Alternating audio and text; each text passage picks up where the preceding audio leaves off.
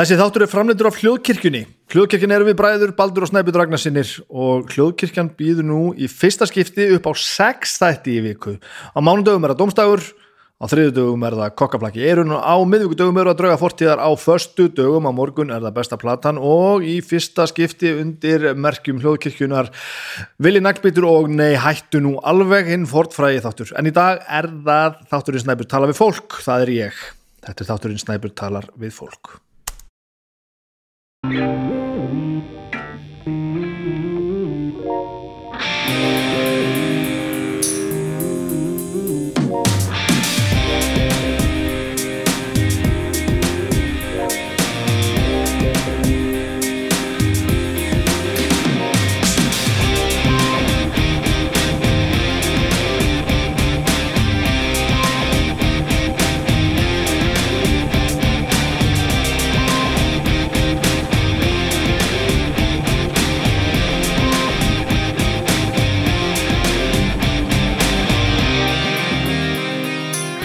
Velkomin í þáttum minn Snæbjörn tala við fólk. Það er eins gott að byrja strax. Hér er nógum að tala þessa vikuna. Fyrst og síðast. Það er nú að tala hér um glænýtt samstarf. Þáttarins við Reykjavík Roasters. Gríðarlega gleðilegt. Hér hefur frá upphafi Snæbjörn tala við fólk hefur hér kaffi spilað stóran þátt. Hér er alltaf hittabrúsa á borðum með, með kaffi. Og ég, mér er nú ekki saman hvernig kaffi mitt er. Þannig að ég reyna að hafa hér gott kaffi á borðstólum hefur alltaf haft fyrir fyrir gæsti en það þarf, þarf gott kaffi til að knýja svona lengra spjall.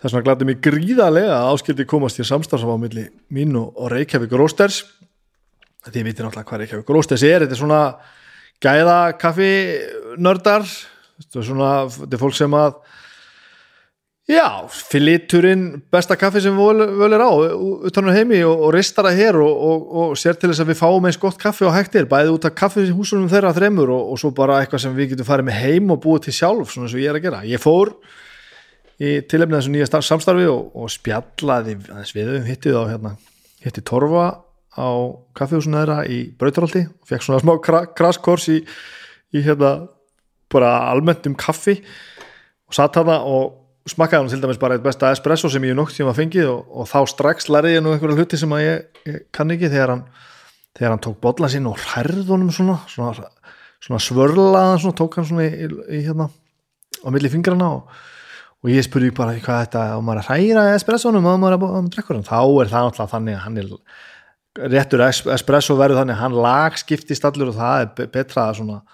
að hérna blanda þessu öllu saman sko, remman er held ég efst það var ekki remman í fróðunni. Hann kendi mér svo margt á svo stuttum tíma ég þannig að fara aftur til hans bara, bara í vikunni til þess að hérna, til þess að læra meira. En hérna hann spurði mig hann spurði mig þessu hérna bara hvernig ég lagaði kaffi heima og ég sá hann það hérna því ég var einn heima þá var ég yfirlt, yfirlt með, með mokkakonu, ég á tvær gerir á svona mokkakonum svona sem maður hérna setur á, á eldavélina og síður upp úr og svo þegar ég var að gera já, ég var að setja eina svona litla fyrir mig svo aðra starri þegar koma gestinni þegar ég, eins og fyrir þættina þá er ég nú bara með almennilega pressukonu sem ég sitt í gegnum og hann mjög svona næstu því til hérna, til undrun og þá var hann svona ægilánað með þetta. Ég var að gera þetta rétt innan allra gæsalöf, eða allavega með, með góðum aðferðum. Og spurði mig hvernig ég gerði þetta og ég, það virðist vera að ég hérna á þess að hafa kannski kynnt með hlutir þá, þá hafi ég nú verið að gera hlutina svona nokkuð rétt og vel sko. Ég slumpa svolítið sko mala samt sjálfur og, og hérna er með, er með kvörn hefur verið hérna lengi og, og svona. Mér er ekki saman hvort kaffið er fínt eða, eða, eða, eða gróft og allt þetta. En hann svona einhvern veginn bara annarkvæmt var hann bara að láta mér liða vel eða þá bara ég hef svona með, með tíð og tíma að náða að hérna að beigja mig inn á svona einhverja vinnu að fyrir sem eru svo sæmilega réttar. Hann allavega hérna bara rósaði mig fyrir þetta og hérna spurði mér svo hvernig kaffi ég fílaði ég er svona meira fyrir dögt, dögt kaffi sko þannig að hann sendi mér hérna með, með tvær tegundir. Það er hérna það sem við drukkum núna var hérna var sem ég hafi verið að smakka áður og ég vissi að frekka safe það er hérna Dona Darko sem er svona, svona dögt súkulæði tóbak, karmela svona svolítið svona. Þannig ég vissi ég myndi byrja því og hérna ég er búin að vera að gera tilvunni hérna þessi yfir helgina áður en að, hérna, koma fyrsta viðtælinu og hann, hann sendi mig heimi með rosalegt trikk með mokkakonunar og setjum hann alltaf vatn í neðri, neðri helmingin kaffi svo í trektina og svo síðu kaffið upp í gegn eða guðar upp í gegnum hérna kaffið og, og, og tilverður kaffisópinn verður sagt, flist í ef, ef, efri part könnunar hann bendi mér á að setja uh, að hita vatn í hraðsögu kallinum og setja, heitt vatn í könnuna. Þannig að það síður miklu fyrir upp og þá er kaffið sjálft miklu stittra í, í hérna hittanum og, þá, þá, þá, og það verður svona ennþá einhvern veginn mikra og svona, ég prófaði þetta munaði samt að vera í hérna uh, nota viskustykki eða opnaska eða eitthvað, hittnar allt í spað þegar hellir brennandi heitu vatni og í málum könnuna og svo byndi á heita hellinu og þetta síður upp náttúrulega alveg um leið og það var bara komið kaffi bara á núleidni og það var svona fyrst makkaði þetta bara hm, ég er nú að gera eitthvað viltstönda, þetta er nú eitthvað hérna, döft og eitthvað, en svo bara einhvern veginn kingir úr sóparum, svo liða svona tvær sekundur og það bara svona brr, kemur öll anskota sprengjan, bæðið náttúrulega að þetta er náttúrulega besta kaffi sem við getum mögulega fengið í bland við þessa ótrúlega aðferð, sko. ég er búin að vera að gera einhverja, einhverja tilurinn á þessu sko. og þetta er bara, þetta er ekkert eðlilegt og svo bara ger ég þetta og svo let ég vaða áðurna, áðurna hérna Svanhildur kom í viðtal og, og bara í, í pressukonuna malaða bara svona sem ég vannur og þá bara sama, fyrsti sopið var bara svona ok, ok, er ég vannur að nota meira kaffi eða hvað er að gerast hérna, hvað er þetta svona skýttið svo bara sama, það liði bara fá sekundur og bara þannig að e, þið getur litið á þetta sem svona 20% e, plögg og 80% ég að segja ykkur frá því að ég, hérna, það vil svo til að ég er gríðalegur aðdáðandi og áhuga maður um, um ekki bara kaffi, heldur bara svona almennt lúð að finna, finna leiðina þetta, þetta kittlar sömu tögar í mér og, og kraftbjórin og vínilplötunar bara mala kaffið sitt og einhvern veginn eh, hafa skoðuna í hvernig þetta er allt saman búið til. Og, og þess vegna gleður á mig alveg sérlega mikið að hérna, vera komin í samstarfi við, Reykjavík Rósters og ég náttúrulega hvetið ykkur bara til þess að fara á, á eitt af kaffihúsinu þeirra ef þið leið hjá. Þetta eru þrjú kaffihús Kárastígur, Brautarholt og Freyjugata. og svo getur þið farin á vefsíðinu þeirra reykjavíkrósters.is og getur panta þar kaffi bara heima dyrum. Svo náttúrulega er ég ekki eins og búin að skoða þetta alls saman. Það er nú bara, hér er þetta að fara ykkur kaffi áskrift og ég veit ekki hvað og hvað. Allavega, þetta er augljóslega fólk sem að uh, veit allt um kaffi og, og lætur kaffi skipta sér gríðalegu máli. Um, þannig að Reykjavík Rósters og Snæpi talaði fólk. Gleðilegt. Meira nýtt í þessari viku í samvættu við hljóðkirkjuna uh, við bæti sjötti þátturinn en þó ekki kannski ekki nema kannski bara formulega uh, Vili Naglbyttu vinnu minn þátturinn hann sem hefur nú gengið á, á rúf og hefur nú farið í sjónvarp og var svo orðin að hlaðvarpi sem baldubróðu minn uh, um, framleiði eða sem sagt tók upp og, og, og klifti og græði og gerir er að byrja aftur sem hlaðvarp og búið að taka smá, pásu það er nei hættu nú alveg. Spurninga þátturinn uh, marg rómaði og um, hann fer núna undir hatt hljóðkirkjuna sem var í rauninni, það var ekkert eftir heldur um bara að taka ákvörnum með að við myndum, myndum setja þetta undir sama sama, sama hattin sko, Baldur er búin að fram með þetta hvort þið er með sömu, sömu tækjum og tólum og, og aðförum eins og við gerum með allt með hljóðkirkjunni. Þannig að nú framvegis verður besta platan og nei hættinu alveg á förstu dögum, þannig að það er þetta hlaða vel í helgina uh, og þetta bætist náttúrulega bara við alla heina hættina sem er glæsilegt. Þannig að það er gaman að því. Sjötti þáttur á daska á hljóðkirkjunum og allt gössamlega að sprengja utan af sér, þetta er á morgun fyrsti þátturinn undir þessum formerkjum. Um, förstu dagur á morgun já, það er annað að fretta að það er að koma út skálmandarplata, tónleikaplata.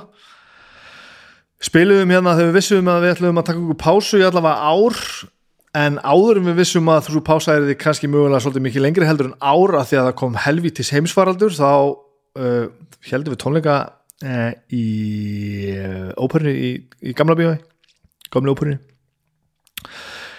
uh, og spilum þar svona eitthvað sem átt að vera svona pínu 10 ára ammalis eitthvað og svona pínu blessibili við sjáumst eftir ár eða cirka ár eða 2 ár eða eitthvað. En nú veitum við náttúrulega ekkert hversu langu tími það verður en þessi tónleikar er að koma út á morgun kemur út á held í geisladisk allavega Blu-ray og vínil og uh, gleðum að segja frá því að það, þið lú, lúðamestur lúðarnir þið þurfa að fara á held í þrjá staði til þess að fá allt, alla, alla, hérna, alla tegundur á þessum vínil gleður okkur vínilnördana mikið uh, það þið þurfa allavega að heimsækja sko alda.is alda music er með sér íslenska útgáfu sem er grár vínil sem gleður mig greiðlega kallan held í silfraðan vínil sem er bara held ekki rátt það er mjög töff, þetta er töffaldur svona gatefold vinill. Uh, svo getið farið inn á Napalm Records það sem er einhverjar útgáfur eitthvað svart og hvít blanda, þetta er alls konar lúð. En inn á skálmöld.is fáið náttúrulega flagskipi sem er eh, myndavínill fjórir, fjórar myndahliðar á, á vínilum sjálfum. Og þið eitthvað sem er í Blu-ray spilar getið á banda Blu-ray disk líka þetta er ekki, ekki á nýtt. Þetta eru allt saman útlistað inn á, á, á samfélagsmiðlum skálmaldar. Þetta er gleðilegt, þetta er búin lengi í pípunum og, og loksins er þetta að koma fyrir augu og, og, og eiru almennings, já, auðvitað Blu-ray er að sjálfsögðu náttúrulega myndbands upptaka full klift og háttu nú komið einhver heimildamind ég held að hún sé á þessari Blu-ray. Ég hef ekki séð þetta, ég hef ekki hugmynd. Ég held að það sé allt á þessu Blu-ray disk. Tónleikandir og þessi mynd. Hmm, spennandi. Spennandi. Um, takk fyrir síðast að þátt þessi óurlegi fjögra tíma þáttur viðtalið við Flosa sem að við vissum ekki alveg hvort við myndum fara hvort við myndum fara á hvort það myndi fara vel hreinlega. þetta var bara hvort það myndi fara, fara á eitthvað flug af því að fjóru tímar er, er óbúslega mikið en uh, uh, nú hljóðum við eins og einhver svona stjórnmálamaður sem er að blása eitthvað upp með við bröðin og, og allt saman var þetta er náttúrulega bara mjög öfgafullt þetta er einn allra stærsti þáttur sem við hefum sendt frá okkur eða ég hef sendt frá mér, snæpitalaði fólk. Og viðbröðin bara hjá fólki, komment og skilabóð og alls konar svakaleg. Ég, auðvitað erum við góðu vinnir í álflósi hann er að þótt að takja náttúrulega á og við þurftum að ræða ímislegt og rættum ímislegt mjög ítarlega þá, þá var þetta okkur einhvern veginn ekkert ekkert svona óbástlegt mál held ég, en fólk náttúrulega auðvitað tengir náttúrulega við þetta og við vorum svo sem alveg dasaðir eftir þetta eins og kannski kom fram í, í hérna í, í mínu máli þarna bæði fyrir og eftir þátt, ég var svolítið, svolítið tösulegur eftir þetta. En margir að tengja og, og hérna og frábært ef að, ef að þetta svona lag getur orðið öðrum til góðs að hlusta á, á reynslusögur merkilegs fólks sem hefur þurft að, að díla við djöflana. Og Flósi byrjar að helsa ykkur kella ég spjallaði við hann og hann, hann bað fyrir, fyrir hverjur um, og við hefum bara verið að fá alls konar posta og eitthvað og ég greip hérna eitt, eitt bref að handahófi sem ég fekk sendt Sælvertu Snæbjörn, við þekkjum stekkert en ég hlusta alltaf á viðtalsættina einn og hef gaman af. Vildi bara þakka þið fyrir þáttinn með flosa þorgisinni, það er besta viðtal sem sem ég hef heyrt. Mikil saga og greinilega greindur og vandaðum að þára færð, sorgin og stóru tilfinningarna komustu vel til skila og þú ert sérlega færi að lefa samtali að flæða og gera andurslótti vinnalegt og nærandi. Takk fyrir og megið þínir vegir verða sem gæfur íkastir bestu hverjur, lög uh, Hvað getur maður sagt? Þetta er bara frábært. Bara ótrúlega mikið gaman að fá fá allir þessi skilabóð og gaman að, eins og ég segi, þetta sé að hjálpa einhverjum. Síðan ég fréttum að sjálfsmórstíðin er að aukast í, í í þessum COVID-harðendum og ef þið eruð þarna einhver staðar í, í, í þessu, þessu svartnætti á bara guðanabænum ekki láta, láta ekki, ekki gefast upp. Það er, það er mögulega ekki endilega svo stutt í land alltaf en það er rosalega stutt á millið þess oft að líða eins og það sé engin von og fara að líða þannig að þetta sé bara allt saman þokkalegt. Svo er náttúrulega miklu lengri vegur oft fyrir okkur að að díla við djöflana og koma öllu á þann stað sem þetta virkilega þarf að vera á. En, en ekki gefast upp. Það er fullt af fólki sem er til í að hlusta fullt af lausnum að núti og þó að það verist vera algjörlega vonlust akkurat núna eh, trúi í þá, það er ekki þannig það er fólk kannan sem að hjálpar okkur. Og ég sjálfur hefði mjög gott. Ég bara, þó ég hefði verið aðeins blár hérna í síðasta þætti, þá náði ég mig mjög hratt. Ég fóð bara út að labba, ég gerði það sem ég ætlaði að gera. Agnes fór norður öll uh, að helgina, ég var með krakkari hérna og, og, og, og ég var ánað með mig. Ég var bara drullu, drullu ánað með mig. Ég, hérna, þetta, er, þetta, er ekki, þetta er ekki það sem ég er bestur í. Að vera einn heima að sjá um heimili og börn og ég gerði þetta drullu vel. Strákurum var, var með sér lasin og ég þurfti að fara upp á lækna og þetta var alls konar hlutir. Og ekki bara gerði ég þetta vel heldur leið mér bara vel á meðan og ég var ekki úrvinda þegar þetta var búið. Annarkvæmt er ég bara kannski mögulega að læra það að takast á við djöflana og, og, og, og takla það sem ég leiður í að gera eða þá mér líður bara vel. Ég held að mér líður vel og þessi þáttur og þetta bláðum mitt er klálega ekki að skemma fyrir því. Þannig er nú það. Gestur minn í dag Svanhildur Holm um frá því að við tölum saman um að, að hún myndi koma tímin í þáttinn þannig að hún kom þá fekk hún nýja vinnu. Þegar ég talaði við hana var hún aðstóðar maður Bjarnar Ben, ráðherra og vissi svo sem ekkert annað. En fekk síðan starf sem framkvæmda stjóri viðskiptarás Jep, og byrjaði þar fyrsta desember og er hætt störfum hjá Bjarnar þannig að ég náði henni hérna svolítið skemmtilegu millibils ástandi hún er ógeðslega skemmtileg. Uh, raug beint hérna inn og fór beint í að skoða tinna bækundar mínar og ástrík og lukkulöku og allt saman og, og hérna. Og gerðilega superlúði sko. Upp á splatan hennar er Number of the Beast maður og meitin og það er nú ekki oft sem að tónlisti mín tónlistina mín að bera góma í veitulum en að þessu sinni þá nefndi hún þá hún hefur verið að hlusta á mig.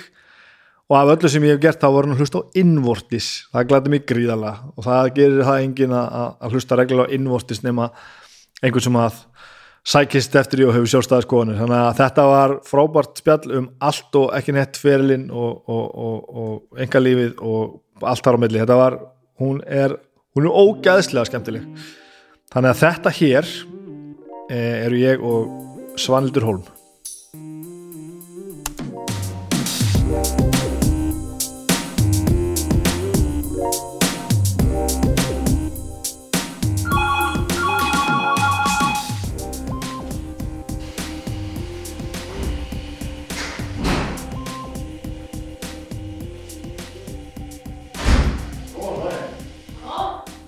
þetta er bara komið í gang hann áskalt bara.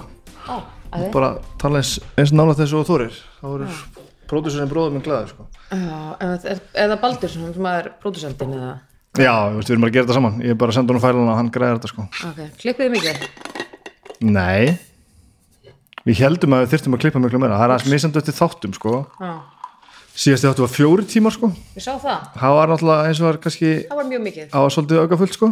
En það vil líka bara hafa fundur bara hvað hva gera við veist, ef ef að fara með út það, að þetta stríðir mút öllum lögmálum Já, en svo hlustaði yfir og bara, veist, hvað á að gera við þetta og, og svo var eitthvað svona að skipta þessi tvent eða eitthvað, bara, hvað er ekki pláss á internetinu í þessari viku, ég trú ekki alveg á það sko. Það er nefnilega það góða við hérna netið er þetta að þú mútt ekki nefn slottum sko.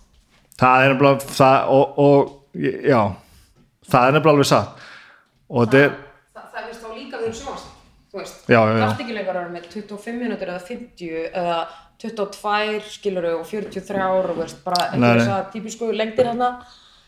Að ég er mjög slott, þú veist, það er svo eitt mann að horfa tætt lasso? Nei. Ok, það er geggjað hrættir, ógeðslega hrættilegir það. Og hérna, þeir eru bara allt frá svona 30 upp í 35 mínútur. Já, já, já, bara svolítið bara, þú veist kannski bara þetta, þessi senu of góð til þess að klippa hana. Já og þá bara eru þið 35 mínútur. Skeri ég og fylgjast með þú veist, gamla sjónvarsafninu, þetta er bara næstu því upp á sekundu. Að gaman í það er veist að ekkert svo Friends eru bara 21 mínúta og 14 sekundur eða eitthvað, þetta er eitthvað svona alveg surrealist hvað þetta er, þú veist, það er ekki, ég er engin buffer sko. einmitt.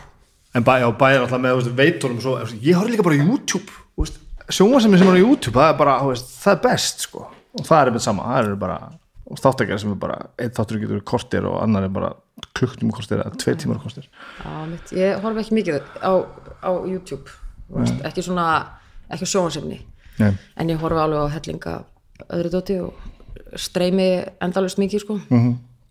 mér finnst það bara næs það er hérna það er góð breyting á á, á svona, þú veist þessum kúltúr, hvað maður getur valið mikið gallin er sá að þá velum maður svo mikið af einstóti Já, ég, ég ætlaði að fara að koma að þessu sko. Ég er nefnilega bara, ræknum bara það að maður verður að fara að kveika útvarpinu aðeins sko. Já, ég fann að gera það aftur Ég líka Þú veist, ég bara fann að láta einhvern segja mér hvað ég á að hlusta á og, og segja mér eitthvað um einhverja hluta sem ég hefði ekki flett upp sjálf sko. Þetta er svona nákvæmlega það sem ég ætlaði að fara að segja sko. og bæði með, með útvarp og sjónvarp bara, bara, þú veist, að maður letur aldrei komið svo óvart, hvað gerist þá? Nei, ég held að línuleg dagskrá geti átt eitthvað comeback einfallega út af þessu að, að sko, maður er ekki alltaf góður í að velja onni sjálfa sig þó ég sé ekkit mikið fyrir stjórnlindi sko, þá er það bara þetta og þetta hugsaði þegar ég var að keiringa að hérna veist, ég- einhverju hluta vegna fór ég að hugsa um góðan dóttan svæk veit ekki út af hverju og hérna sem að ég las sko þegar ég var svona tí ára Já, bara frá upphæða til enda af því að hann var til heima hjá mér. Já. af því ég las bara allt sem var til. Var það hvítabókin með blóðstjóðunum akkurat. Aha, uh, alveg sama þú veist, bara ef þetta var til og var þetta að lesa þetta, þá las ég það. Já, en maður gerir þetta ekkert nú erum við bara alltaf að lesa einhverja hérna, sömu höfundana sem er að skrifa um sömu personurnar og eitthvað, þú veist, maður er svona þægilu umhverfi, þú veist, er maður ekkert að lesa eitthvað svona óþægilegt, þú veist, þess að ég var, hérna, sko, svona ferming og las East of Eden. Já, sem að er með sko svo hræðilegum senum að er sittið ennþá í manni. Þú veist, ég er ekkert vissum að ég hefði nei, nei, nei, nákvæmlega. Þú þú er veist, bara, að þetta bara verið eitthvað svona, þetta er bara óþægilegt. Þetta er bara að lesa þennan krimma hérna sem ég veit alveg nákvæmlega hvernig, þú veist, þekki fórbúru já, hvernig, hvernig ég veit að hann mun enda svona og, og ég veit hvernig karakterinn er hegðað sér og það verður eitthvað erfitt hérna og einhver dettur í það og klúrar einhver en svo bara rettast þetta á endanum. En hérna, já veist, stundum vantar mann þetta. Ég kveikti með þetta á rása eitt um dagi sko, það var held ég þú veist, á, á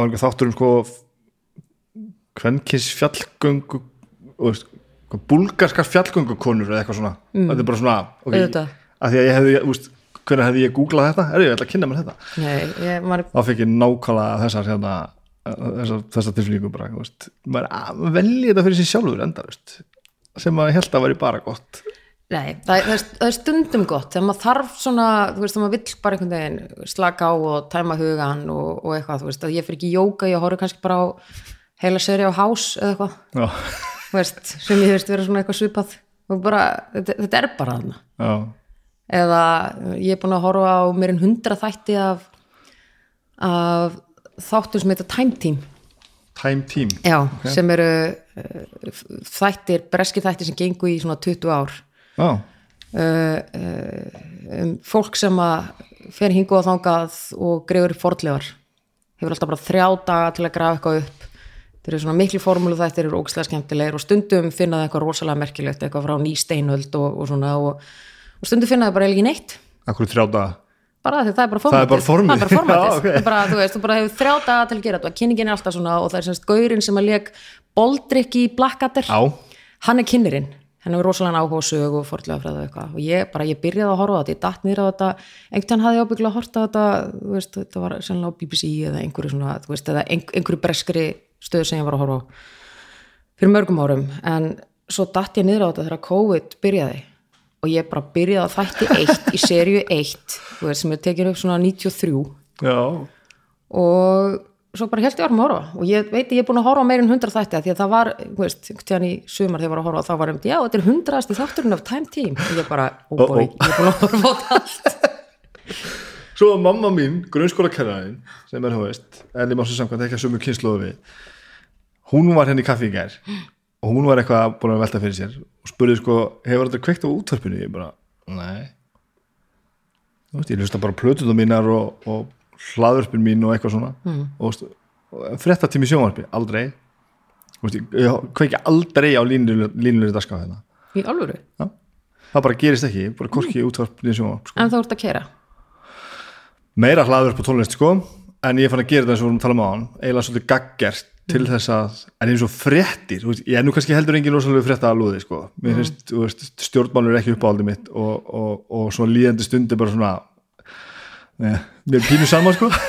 Veist, ég er svona svolítið að reyna að vera ekki sama. En þetta er svona, ef þetta er mjög merkilegt þá mér einhver láta þið vita. Ég er svolítið Eða þannig og, veist, og ég opna fréttamiðlana skilju meina, ef þetta er á fréttamiðlunum þá veist, lítur að koma þangað líður mér sko, ég frétt ekki blöðunum skilju og þetta er svona eitthvað. En þá er sko mamma með þessa kenningu sem eitthvað að vera hérna, velt upp núna sko, börnum mínu eru 35 ára. Að á þessum heimilum það sem er aldrei neitt í gangi þau veit ekki raskat sko. Mm börnum mín hafi ekki heyrt orðið ríkistjórn held ég bara aldrei sko. Hvernig, hérna, hvernig endar það svo? Einmitt. Ég aftur múið til dæmis á eina sem er tíu ára sem að er stundur svona svo, þú veist gamall kall í hádeginu, skilur, hún hlustar á hádegisfréttir já, já, þú veist, ef við erum að keira og svona og fréttir eru í útörpinu, þá þarf ég alltaf að hækka og ekki tala. Og hún er búin að vera svona alltaf, Vá. bara hlustar á fréttir og veit allt mögulegt og fylgist rosalega vel með og, og svona bara hefur almennt áhuga á hlutum og fólki og þú veist, mér finnst það mjög verkeflega þess að ég hef ekki haldið þessu aðinni, þú veist, auðvitað hlustu við, við erum náttúrulega bæði, ég og Lógi hafandi unnið í fjölmjölum og með mikið þjóðmæla áhuga og svona, að auðvitað, þú veist, kannski læra börnin það sem fyrir þeim er haft, áður sem að sé eitthvað ótaði af þeim, já, en, en ég meina, hún er samt öðruvísi heldur en hinn krakkanar okkar með þetta, þú veist, það kom setna hjá hinnum, já. en hún hefur bara alltaf verið svona, hún og maður stundur bara svona, ah, það er alls konar hræðilegt í fréttum, en hún bara, nei, nei, ég hlusta á þetta Þetta er rosalegt. mm, já, mér finnst þetta pínu merkilegt sko. En þegar þú segir þetta, mm. þá samt það voru alltaf, þú veist, ég get gefið móðum minni það, sko, kannski vissi ég aðeins meira að því að kveikta á, á útvarpinu, mm. en mér er alltaf fundist leiðilegt að hlusta á og horfa fréttir. Mm. Ég hef aldrei tengt við það, sko. Ég er alveg til að vita svona aðeins hvað er að gerast, Já, en þetta moment eitthvað að setjast, þú veist, og eitthvað svo fylgjast með, bara, bara fréttastefi klukkan 12.20 þú veist, og meira svona stemningi sem fylgdi, þegar þú segir fréttastefi þá fekk ég svona pínu fyrir, sko. En það er eiginlega einhver stemning, meira heldur en eitthvað, sumum heiminum bara, bara svona grafar stemninga, því að bara, bara flusta frestir bara einhver svona, svona hátilegt, sko. Eh, ég veit ég, ég veit ekki, ég held ég muni frekar eftir því svona bókum eða sjónvastáttum eða einhverju. Að ég man ekki eftir þeirri stemningu hefur mér, þú veist, árfæli hlusta á fréttir og hort og svona, þegar ég var krakki en ég man ekki eftir þess að þú mátt ekki tala þegar fréttir, Nei, það var ekki að neyma mér, sko. þú veist, það er svona það er kannski verið eitthvað stór merkilegt að gerast það var svona sussaðamann en, en almennt eh, almennt ekki þessi stemning. En ég menn ég tengi alveg við þetta, fiskur á mánudögum og hérna Já, og, og fréttirnar í útdarpinu klukkan 7 þú veist eins og þetta var þá.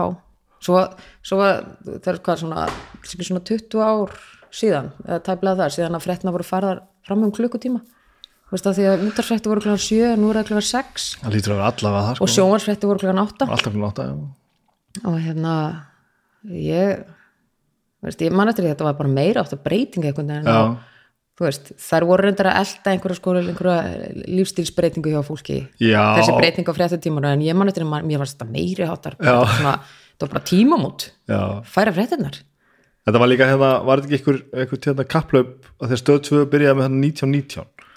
Jú, svo færði þessu fram fyrir það þá Já, á að- tímabili var ég með þátt sem að byrjaði átján átján Jálfur? já, já, ég var á, það var á stöð 2 á Íslanda, það fór í loft klukkan átján átján Já. þú veist uh, og sem var svona pínus besko því að við tókum smá stupp fyrir klukkan hálf sjö svo byrjuðu fréttnar hálf sjö og svo tókum við aftur við eftir fréttir Já, já. þannig að þetta var það er, það, ég meina tímasendingar það eru alls konar. Ég held að þetta sé nú til bóta, sko. Ég held að þetta, að segja okkur bara að við lifum aðeins áhugaverðar lífi, að veist, að við missum að fréttum? Já, bara svæfa börn, nei, kannski bara að fréttina séu bara svona meira pínu með, sko. já, að því að kannski bara mitt klukkan 6 eða eitthvað, eða 7 að því að það bara svæfa börnin, svo bara frétt klukkan 8 og þá bara svona, eitthvað svona frétta tengt bara svona rítjúal hver einasta kvöldi til 9 eða hálf 10 eða eitthvað. Já, já, já, já, ég meina og þetta var bara þetta var bara, þetta var bara eitthvað svona fastu punktur, algjörlega. Já, maður, ég held að maður er mitt sko sumuleiti, þú veist, sem að með kannski skrítnari hildarmynd af hlutum, þú veist það er enginn að sjóða þetta onimann eins og þetta var.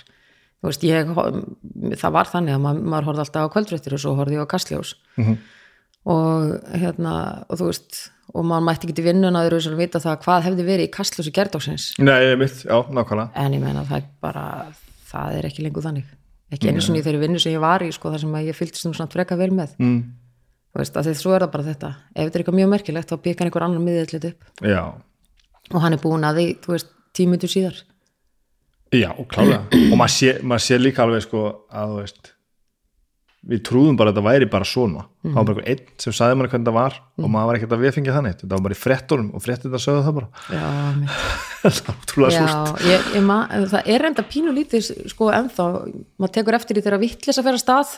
Þú veist, hún kannski kemur úr einhverju miðli sem er ekkert endilega svo áreðanlegasti en, en sko þegar þetta fyrir umræðina þá verður þetta bara, neða þetta var nú bara í veist, þetta var veist, fjölmiðlar segja frá sko, Já, bara þegar búið að prenta það já, já. að þá einhvern veginn, þú veist, stundum verða meiri segja það ennþá að, að sko eitthvað auðlast svona eins og einhverja viðurkenningu bara því að einhver hefur sett að einhvern fjölmiðil. Komið í gegn það er svona, svo, einhver svona, svona stimpil sem að gera það verkum á í lagi. Já, stundum, stundum verða þannig anþá en ég meina, hvað veit maður? Já, Ég held maður viti alveg ekkert hérna frá því að við ákvaðum að tala saman þá ertu þú, þú framkvæmta stjóri viðskiptaráðs. Já, ég er endur ekki byrjuð. Nei, En- Þegar við töluðum saman, þá vissi ég semst ekki að þá var, vissi ég ekki að ég var að fara að skipta um vinnu. Já, vissir ekki eins og Nei. Já, ok.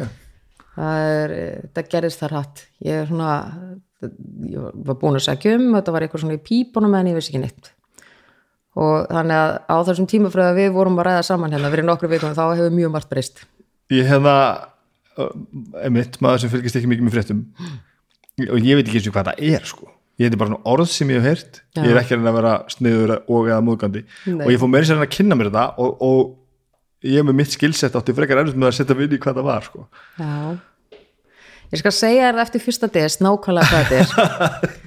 en, en viðskiptaráð er svona, þetta er mjög gamalt. Þetta er, þetta er ég meira- sá er meira- það bara mér aldar gammalt Já, og hefur komið ymsu til leiðar. Þetta er svona, sko, ég veit ekki hvort þú átt að kalla þetta svona hugveitu eða hagsmunasamtök eða, eða hérna, hvað nákvæmlega sko, en þetta eru bara samtök fyrirtækja í atvinnlífinu og þetta hefur aðalega það markmið að, að svona reyna stuðla viðskiptafrelsi og, og frelsi almennt og, og þetta er þetta stendur þetta er til dæmis, meina Vestlunarskóli Íslands viðskiptaráð sem að þá heit Vestlunaráð e, stóða stofnun hans og, og hérna og hefur líka stæð á bakvið HR og, og gerst ímsta hluti í gegnum tíðina. Já, ég sá eitthvað svona highlights og ég skildi sko að þetta var gæðlega eitthvað, það var eitthvað, eitthvað í gangi þarna en svona, Já, það er búið að vera eitthvað í gangi þetta í rúmlega öll en svo, svo fyrir eitthvað pæli, pæli eitthvað svo daglegri vinslu og rekstu og ég bara, hvað, hvað, ég skildi ekki neitt sko. Já, það er, það er allt mögulegt sem er, veist, það er, það er einhver gerðardómur og það er verið að gefa, hérna, veita fyrirtækjum mjög skona ráðgjöf og, og, og hérna, aðstóð og veist, þannig að það er svona, það er ímislegt í daglegum rekstri en svona megin tilgangurinn er svona kannski að reyna að halda á lofti mikilvægi sko almennsferðalsis í viðskiptum. mm. Geðveikt Já, ég held að þetta geta alveg verið gaman sko. Ég veist allavega að það var eitthvað þessu sem höfðaði til mín. Já, ertu þú veist, ertu eitthvað að bakka frá stjórnmálunum með að gera þetta? Hvað sér ég? Ertu að bakka frá stjórnmálunum með að gera þetta? Ertu bara, eða þú kannski upplifur ekkert sem það hafur ekkert kannski voru að kafi stjórnmálunum í vinnunni sem átti Sko, ég hef náttúrulega verið að vinna fyrir fólk í pólitík í langan tíma Já, og ég er auðvitað pólitísk Já, en ég hef svo sem ég er ekki, ég er ekki sjálf pólitíkus, veist, ég er ekki í pólitík Nei, sem stjórnmálamæður uh, og, og hérna en ég held til dæmis að þessar svona viðskiptafrelsis og frelsis pælingar, það er fallið vel að svona uh, bara, þú veist, þeim svona sjónamöður sem að ég hef Já þetta er kannski ekkert svo langt frá því. Nei, að að sumuleiti ekki sko, en auðvitað er þetta hinna með við borðið þú veist, núna er í staðan fyrir að vera þú veist, þarna er þarna er maður komin sko í það að gera kröfu til dæmis á stjórnvöld um Já, það að veist, slaka á einhverju þú veist, læka skatta þú veist, gera umhverfi fyrirtækja aðeins svona uh, vænlegra þú veist, þægilega starfa í því kannski minkingur reglugerðabyrði og slíkt Já, já. í staðan fyrir að vera sko, stjórnvaldamein þar sem þú veist bara einhvern veginn að veist, halda upp í rekstri og borga fyrir samneyslu og, og hérna, veist, leggja hvaður á fólk í nafni eftirlits og alls konar hluta sko, og bara svona almenna reglu þannig að þú veist, þetta er svona, ég er að fara þú veist, ég var hérna með borði og nú er ég að fara hinum einn Fyndi Já, þetta er öruglega aðtilsvert ég ætla hann að ég lakka alveg til sko, þú veist, og held að, að hérna, ég hafi gott af þessu. Þú veist, held að maður þurfi þú veist, ég held að maður hafi gott að því að skipta um svona hérna, sjónarhól reglulega. Já, og, og hérna, ég bara þú veist, ég er búin að sko, það eru átt ár sem ég byrjaði sem aðstofamaður og þar var ég búin að vera þrjú ár sem framkvæmdastöri þingflokks. Þannig að þú veist, ég er búin að vera samtlas 11 ár, meira eða minna í einhverju svona djópi sem er bara það lengsta sem ég hef verið samfleitt með sama vinnu, mm, já, veist, á ævinni. Þannig að, að þetta er alveg þetta var svona, það, það tók líka bara pínu á að þú veist, ákveða að breyta.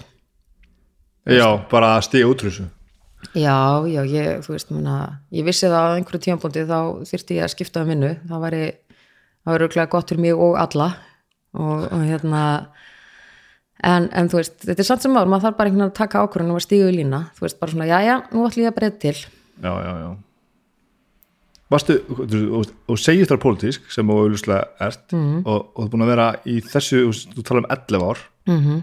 Akkur ertu ekki bara pólitíkus? Þetta er fín spurning. Um, ég veit ekki, ég held að sko, ég, velti það alveg fyrir mér og ég menna því ég hef nokkur svona lendið eins og fólk segni að fólk hefur komið að mála um mig. Já, ég alveg ég hef alveg fengið ég meina, þú veist, ég hef alveg hugsað sjálf að ég get, ég get alveg gert á að einhver segir mér að gera það. Þú veist, að því að stundum er svona að fólk hefur komið að mála með hvað dattir aldrei í hug sjálfri eða sjálfum að, að hérna, fara í pólitík? Var þetta bara eitthvað sem komið og bara, heyrðu, þú er náttúrulega frábær þingmaður Nei, hérna, ég var alveg veldur þessu fyrir mér og alveg bara eiginlega frá því ég var sko krakki, þú veist, eða krakki, kannski unglingur. Þú veist, því ég var alltaf með mjög mikið þjóðmál áhuga, þú veist, þetta hlusta á fréttir, þú veist, lesa alltaf blöðin, ég náttúrulega bjóð í sveit, þannig að blöðin komið bara þrjusar viku. Mhm, já. og þú veist, mánudagsblöðin, þú veist, þegar þau komið mánudögum, þá voru þau sko síðan á fimmtudegi eða eitthvað. Og maður fekk helgarblöðin á miðgudögum akkurat. En ég las náttúrulega bara allt og allar fréttir og fylgdist vel með og þú veist, var náttúrulega óbygglega prínur skrítin krakki. Uh, veist, með skoðanir og ég man alveg eftir því að hafa verið þú veist, sko, hnakkrifast við bekkjabróðum minn um pólitík, þú veist, í fyrsta bekki mentaskóla og svona. En hérna og, þú veist, um, á þessum aldrei er maður alltaf þannig að þú veist ekki einu sinni sko heiminin er, sko, gefur maður einhver takmörk sko þú veist, maður setur maður í takmörk. Þú veist, þetta er bara, maður ætla bara að verða þú veist, allt, og það er svona spurning hvort maður er forstjóri eða bara fórsettisráþara sem var alveg frábær hugmynd. Já, en hérna, þú veist, ég er ekki viss ég hafa svona alveg klárað þarna á einhverju tímapunkti en, en þú veist, á, á þessu tíma finnst manni bara einhvern veginn allt mögulegt. Já, og, hérna þú veist, ég var til dæmis ekki neitt í unglega pólitíki fyrir ég var búið með mentaskólan já, ok. Já, af því að ég var svoleiðis að sko, þú veist, ég vildi ekki festa mig við neitt flokk, þú veist, ég var bara svona þú veist, ég er bara með frjálsam vilja og, og mér finnst þetta og um þetta og ég er ekki sammála þessu í þessari stefnu og svona, þú veist, þannig þetta var svona þú veist, maður svona velja að hafna en svo verður náttúrulega einhverju tímapunkti að, veist, að kjósa og gera upp hugðin og þá bara sestu niður og hugsa bara ok, þú veist, að meðaltali er stefna þessa flokks næst því sem mér finnst. Já, ég er ennþá ströglað við þetta sko. Já, og það má alveg skipta sko, þú veist, það er alveg bara, þið geta alveg fundist það er bara eftir hvar þú ert í lífinu. Já, þú veist, hvort að þessi stefna er akkurat það sem að, að þér finnst vera best eða eitthvað annað. Ég hef reynda verið á þeirri skoðun í nokkra ártíi að, að þú veist, mí, mína skoðanir falli best að, að stefni sjálfstæðsflokksins mm. Og, og ég meina, en það er ekkit það er ekkit þannig ekki tekið bara alla stefniskrána og allt sem öllum finnst í sjálfstæðsflokknum og allt sem landsmyndur segir og bara, já, þetta er frábært mál. Ég máttu þessu. segja þetta Ég, Mér- mann líður eins og þetta sé bara, þú veist, þú voru bara með í liðinu bara, bara 100% annars sem þú bara konið í vesen Nei, nei, ég meina, þú veist, það er akkur það sem að flokkur sem að hefur þó þetta mikið fylgi Já. hann gengur svolítið út og það er það að fólk er með alls konar skoðanir inn á honum og, og þú veist, og það væri ekki svona mikið tekist á til dæmis á landsfundum eða væri allir sammála. Nei, nei, nei, nei, þú veist, það er bara fólkarna sem er, þú veist mjög langt hvort frá öðru eða hvert frá öðru, þú veist, á pólitíska róinu þannig að, að hérna ég, þú veist, ég held að fólk vilja alltaf líta sem sem frjálslend og svona, ég held að ég sé mjög líka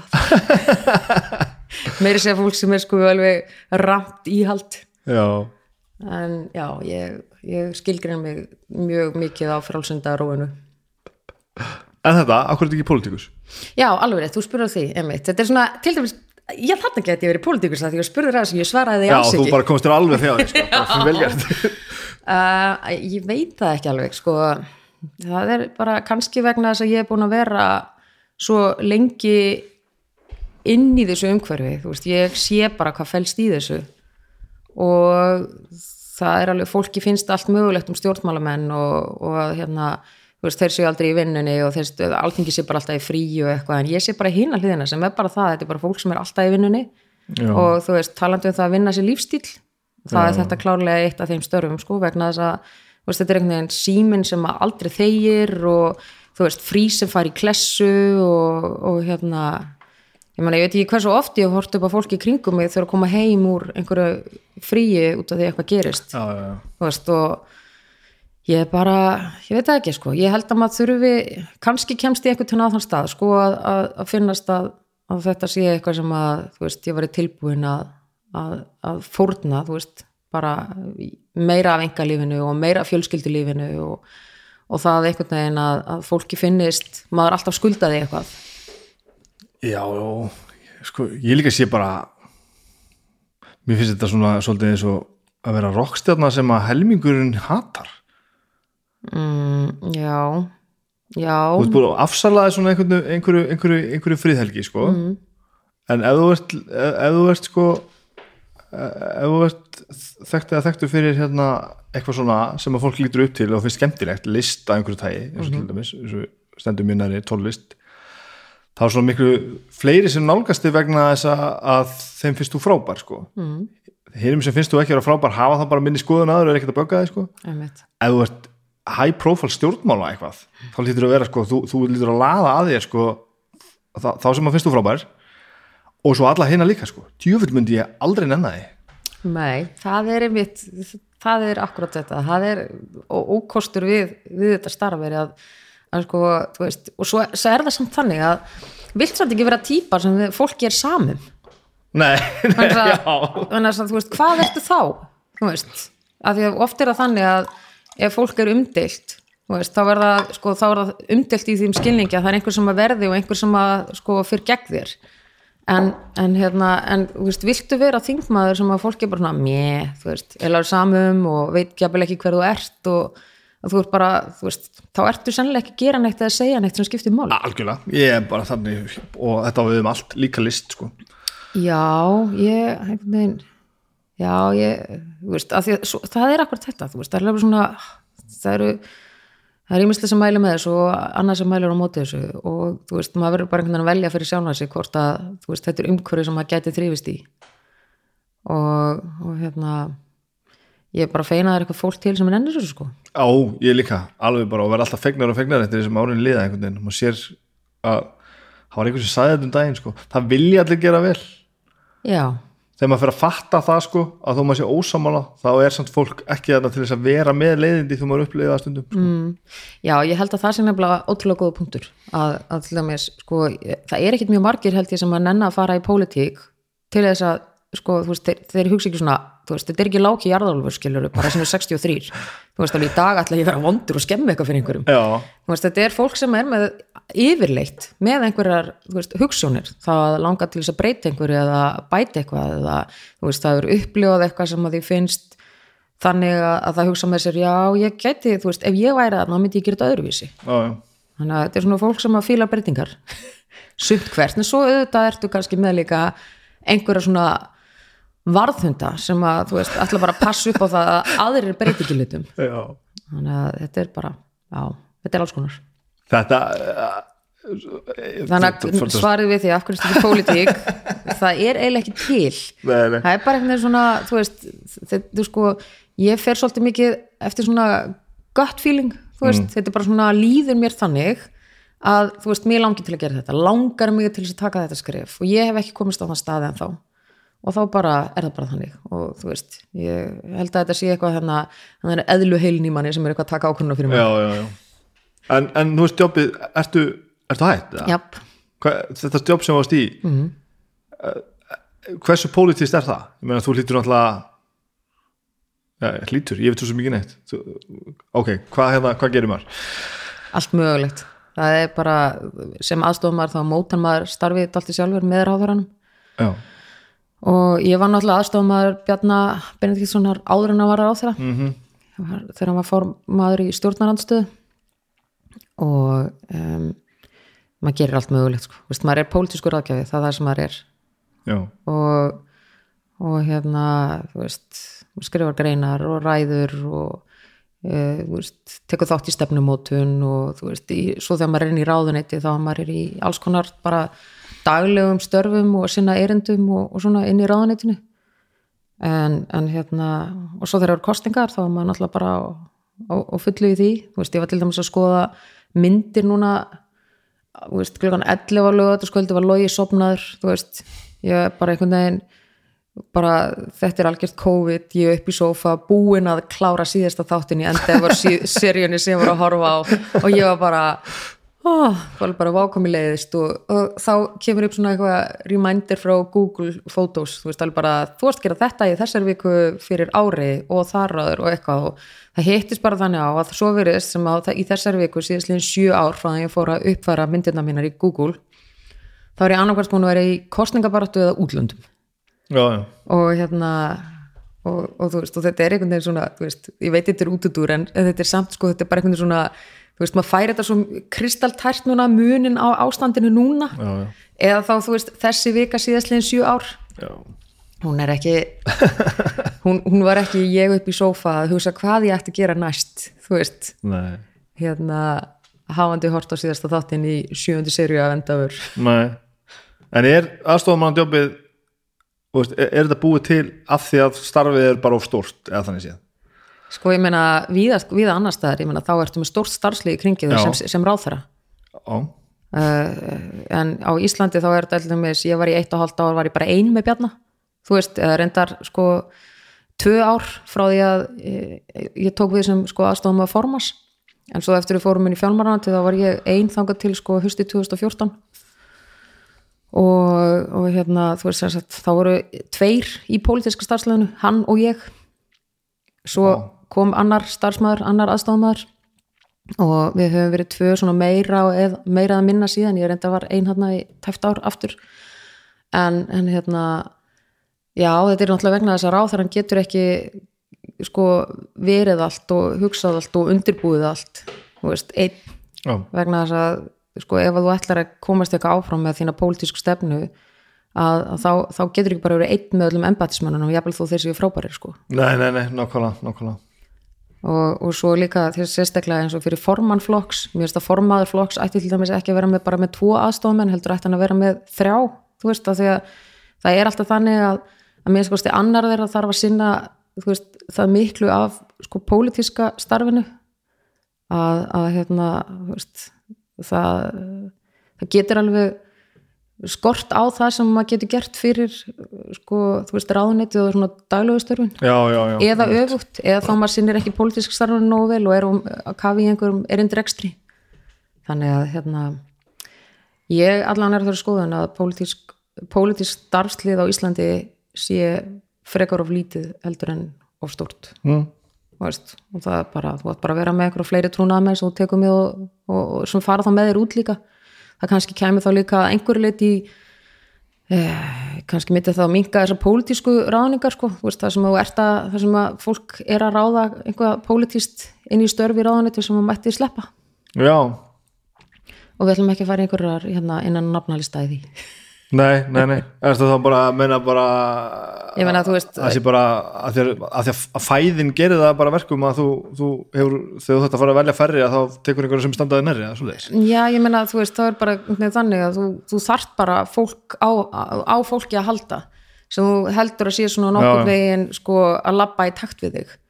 Og þú veist, mögulega einhverju sem þú þekkir. Þannig að þú veist, hættan á því að, Já, já, að fólk já. fari frekar í pólitíska ráðningar þú veist, hún er náttúrulega fyrir hendi þegar, kannski meira þegar að, að hérna, þú veist, pólitíska starfslega er svona lítið. Veist, við erum endar mjög, erum mjög lélegið, ég get alveg sagt það. Í svona pólitísku ráðningum. Bara, þú veist ekki staðið okkur sem skildi þú ert alveg bara út að, út að útvíka heilabúið mér sko áttir sem að fer aldrei sko, þetta er mjög gott. Já, ég mitt, ég bara hérna þetta er, þetta er svona, þetta er skrítin heimur sko, þú veist, þetta er eins og hefur lesið bók sem heitir hérna um, heitir ekki lítill heimur? Nei. ok, það er sérst bók um bókmentafræðinga sem hittast á ráðstöfnum hingu á þangað. Og þeir búa bara í svona litlum heimi. Já, veist, ég er mörg ár sem ég las þessu bók en ég hugsa stundum um hana vegna þess að veist það er svona lýsingar á þeim og hvernig þeir hérna, veist, hugsa og tala og hvernig þeir skrifa um hluti og eitt til dæmis þú veist, hann lendir í einhverju svona pe- sko, einhverju krísu vegna þess að hann áttar sig á því að hann notar sko, hérna orðið brúnn, þú veist, það er svona ákveðin þú veist, ég veit ekki alveg hvað er á Íslandi ég held að þetta er marún. Þú veist, hann notar það og oft eða orðið hérna, nei, eða orðið einhvern veginn fytur þú veist, alltaf ekki fytur sem hann notar líka? Einhvern veginn, eitthvað sé fytugt eða eitthvað í einhverjum merkingum og svona og, í sérst að skrifa textanum sín og þú veist, og þetta er bara svona verið svona smá krísa þegar einhver bendur hann á máða að hann sé raunverulega ekkert svo briljant að hann alltaf nota svona orð og eitthvað en þú veist, en þú veist, þetta er bara svona það eru svona litlir heimar út um allt þú veist, Já. hjá alls konar fólki sem að, sko, þú veist það er pólitíski heimurinn og það er listaheimurinn og svo er það viðskiptaheimurinn og eitthvað það er bara, það sem eru bara eitthvað svona sjálf þú veist, sem eru svona lögmál þú veist, og þú veist, það er einhver sól og fólk snýst í kringum þetta og þú veist, og hugsaður um aðra hluti og, og svona, þú veist, þetta er bara það nertu bara með svona þína eigin pingu litla svona alheima. Já, og, og hérna, og þú veist, pólitíska heimurinn er einn af þessum, það sem að þú veist, er bara alls konar lögmál og sum skrítin og það er mjög gott að vera með pólitísk stopnana minni og svona því þá skilur sko til dæmis akkur þessum er illa við hinn sko Já, veist, og það tengist einhverjum kostingur sem voru sko 77 eða eitthvað. Já, veist, svona en- söguleg, sögulegar svona já, já, og maður þarf stundum að hafa þessa þekkingu til þess að bara skilja hvað er að gerast af því að þú veist, ef þú skiljur ekki lögmálin þá áttar þau ofta ekki á skeitasendingunum nei, ég skilji veist, og það til dæmis getur verið erfitt fyrir þá sem er að vinna í fjölmiðlum og svona þegar hérna, þú nærði ekki alveg að skilja á milli veist, hva, hvað er í gangi að þú þekkir ekki forsöguna. Já en á, ætti fokking forsaðan samt að skipta um máli, er, þú veist? Já, þú verður einhvern veginn, þú veist, ef til dæmis einhver, einhver maður er alveg rosalega ósankjarn í gar, garð, garð einhvers annars Já. eða ofsalega almennlegu við hann. Já, já, þú veist, er það út af einhverju forsögu eða einhverju öðru? Þú veist, hvað gerðist í samskiptum þeirra þú veist, einhvern tímann sem ger það að verkum að, að hérna, þeir get ekki unni saman eða, eða hann ræðist rosalega harkalega gegn einhverju máli sem hann er með þú veist, ég meira, hvað, hvað veistu? já, ég held að ég sé ennþá nógu barnalegu til að halda einhvern veginn sko að að- að persónunda skipti ekki svona miklu máli. Og Nei, ég, er það ekki bara rugl? Ég veit ekki sko ef, ef að hérna ég meina, ef við værum ekki fólk þá myndu persónunar ekki skipta máli. En Já. við erum fólk já, já, þannig að venjulega skipta persónum máli. Já, þetta er eins og til dæmis, þú getur ekki stóð með hljómsveit með hverjum sem er, nei, ger ég ráð fyrir. Ó nei. En ég en ég heldur ekki, þú veist en þá er ég að vinna fyrir sjálfa mig sko, fattar þau maður vill einhvern veginn trúa því að þeir sem fara í þetta setji allt til hliðar nema það er að búa til eins gott umhverfi fyrir alla og hægtir já, en auðvitað er það ekki þannig já, sko, ég held að það sé svona yfirmarkmiðið, þú veist að þú, þú vilt einhvern veginn að þeir sem eru í þessu reyna að- að gera sitt besta fyrir eins marg og þeir geta, þú veist. Að því að stundum eru líka, þú veist ég meina hagsmunur eitthvað pínleiti anstæðir og svona, en, en svona almennt sér að reyna það, en, en svo er fólk bara fólk. Og þú veist, þú ert með innbyggða svona svona hérna svona bæjasa, þú veist uh, gagvart alls konar hlutum sem þú áttar þig ekki á að því að þú ert bara þú já, já, þú veist það er svo til dæmis ég meina, mér finnst alveg eðlilegt og öllum finnst til dæmis norrlenskt svoðubröð æðislega gott, sko, þú veist að því ég er alveg upp í það, en, en ég meina svo kannski finnst fólki það bara ekkert nei, nei. sem er mjög skrítið en ég bara, ég verða að reyna að lifa með því Já, tvent á ég mjög erfitt með, nú er þetta bara svona stjórnmálspjall, tvent á ég mjög erfitt með saman við stjórnmál. Mm. Það er annars vegar þegar mér líður eins og fólk þurfa alltaf að vinna eitthvað, sigra, mm. að þú sért ekki búin að koma inn í verk nema annar tapi fyrir þér. Mm. Fattur hvað er að fara? -hmm. Sé ekki, eins og sé ekki árangur nema að einhver annar þurfa að lúffa og hitt er þegar að ég horfi á fullori velgefi fólk sem er í þessari vinnu uh, horfa fram hjá rökum sem eru eiginlega algjörlega skottheld bara sjáðu það sem er hérna á borðinu það sem er búið að segja hundrasinnum og búið að sitja saman. Mm -hmm. alltaf að sleppa því að tala um þetta því að þægilega fyrir þig að því að, að því að eitthvað, þá er ég alveg brjálaður sko. Já, ég tengi mikið við þetta. Mjög mikið af umræði er nákvæmlega svona. Það er bara, þú veist eins og maður horfir á það, þú veist, þetta er svona trömpur víða, skiluru já, að, já, þetta er alltaf það skynda mjög, mjög já, að, að, þú veist, og við sjáum þetta alveg í íslenskri þjóðmálu umræðu, þú veist sem oft snýst ekkert um einn þjóðmál eða staðniti máls eða eitthvað heldur bara mér finnst. Og svo kemur einhver sem segir já ég er nú hérna sérfræðingur í þessu og ég er, þú veist, ég hafði doktor í einhverju sem er bara doktor í lögfræði eða eitthvað og múin að eigða mjög miklu tíma í að rannsóka akkur þetta, þetta svið og þá kemur einhver sem er bara, þú veist sko, bara með ofsalega sterkar skoðun.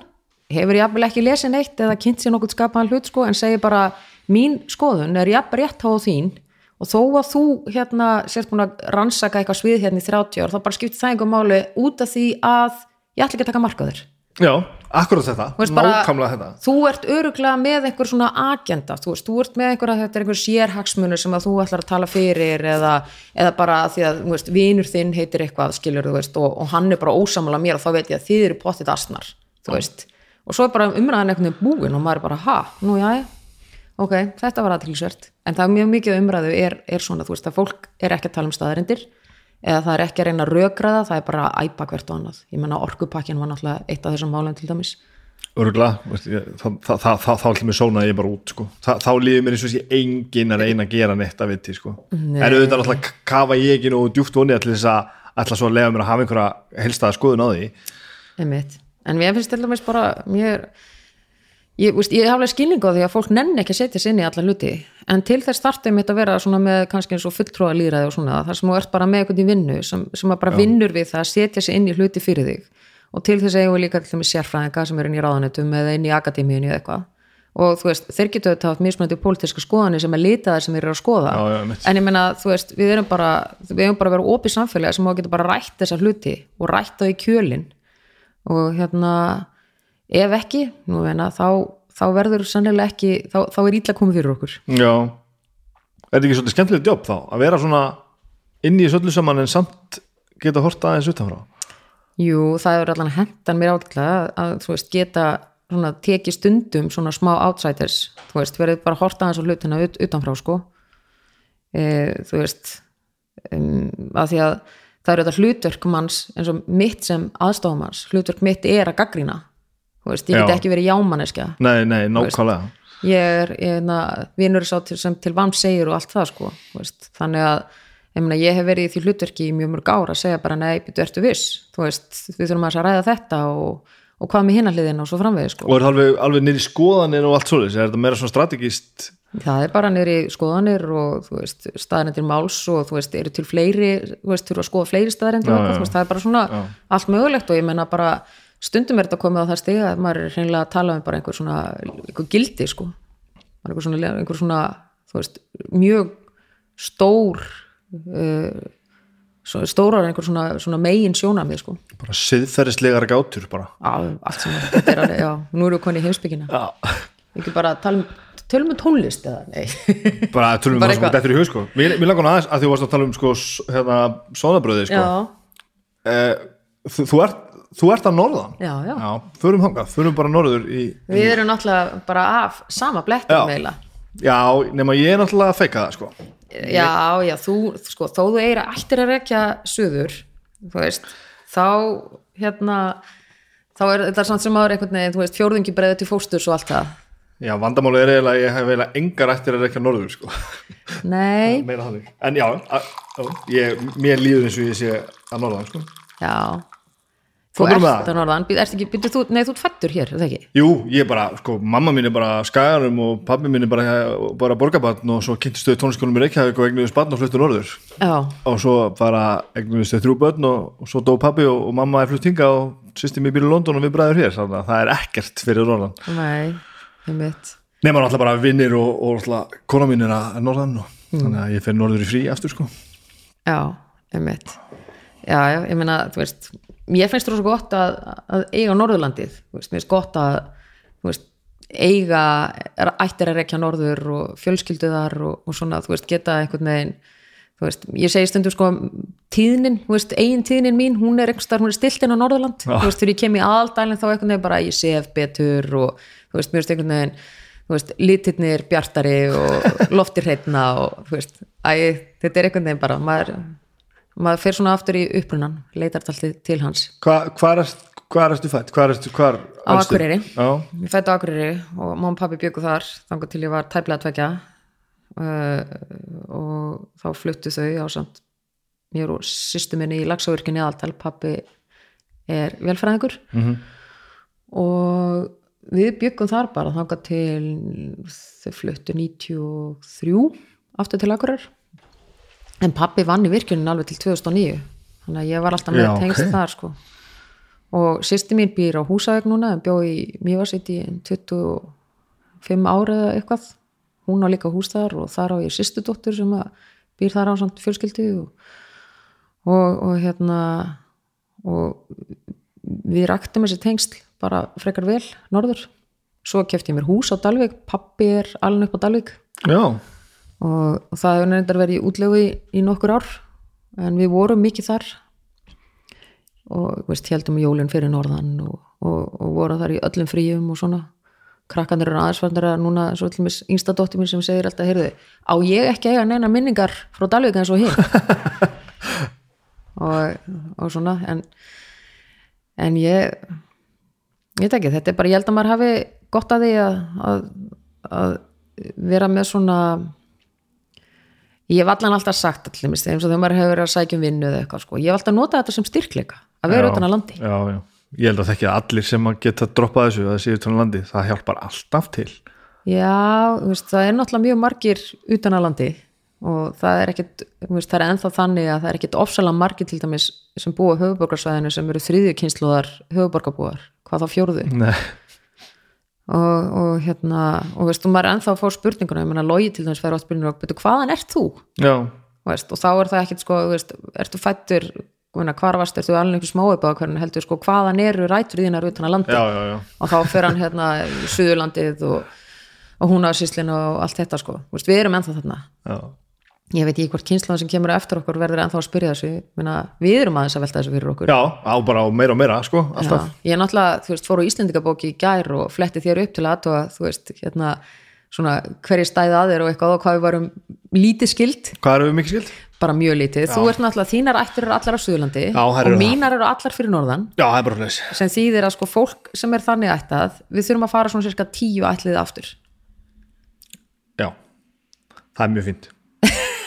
Þa, Það hendar til dæmis sko ég og Agnes kona mín sko við erum ekkert, við erum eins lítið skild og hægt er. Mm.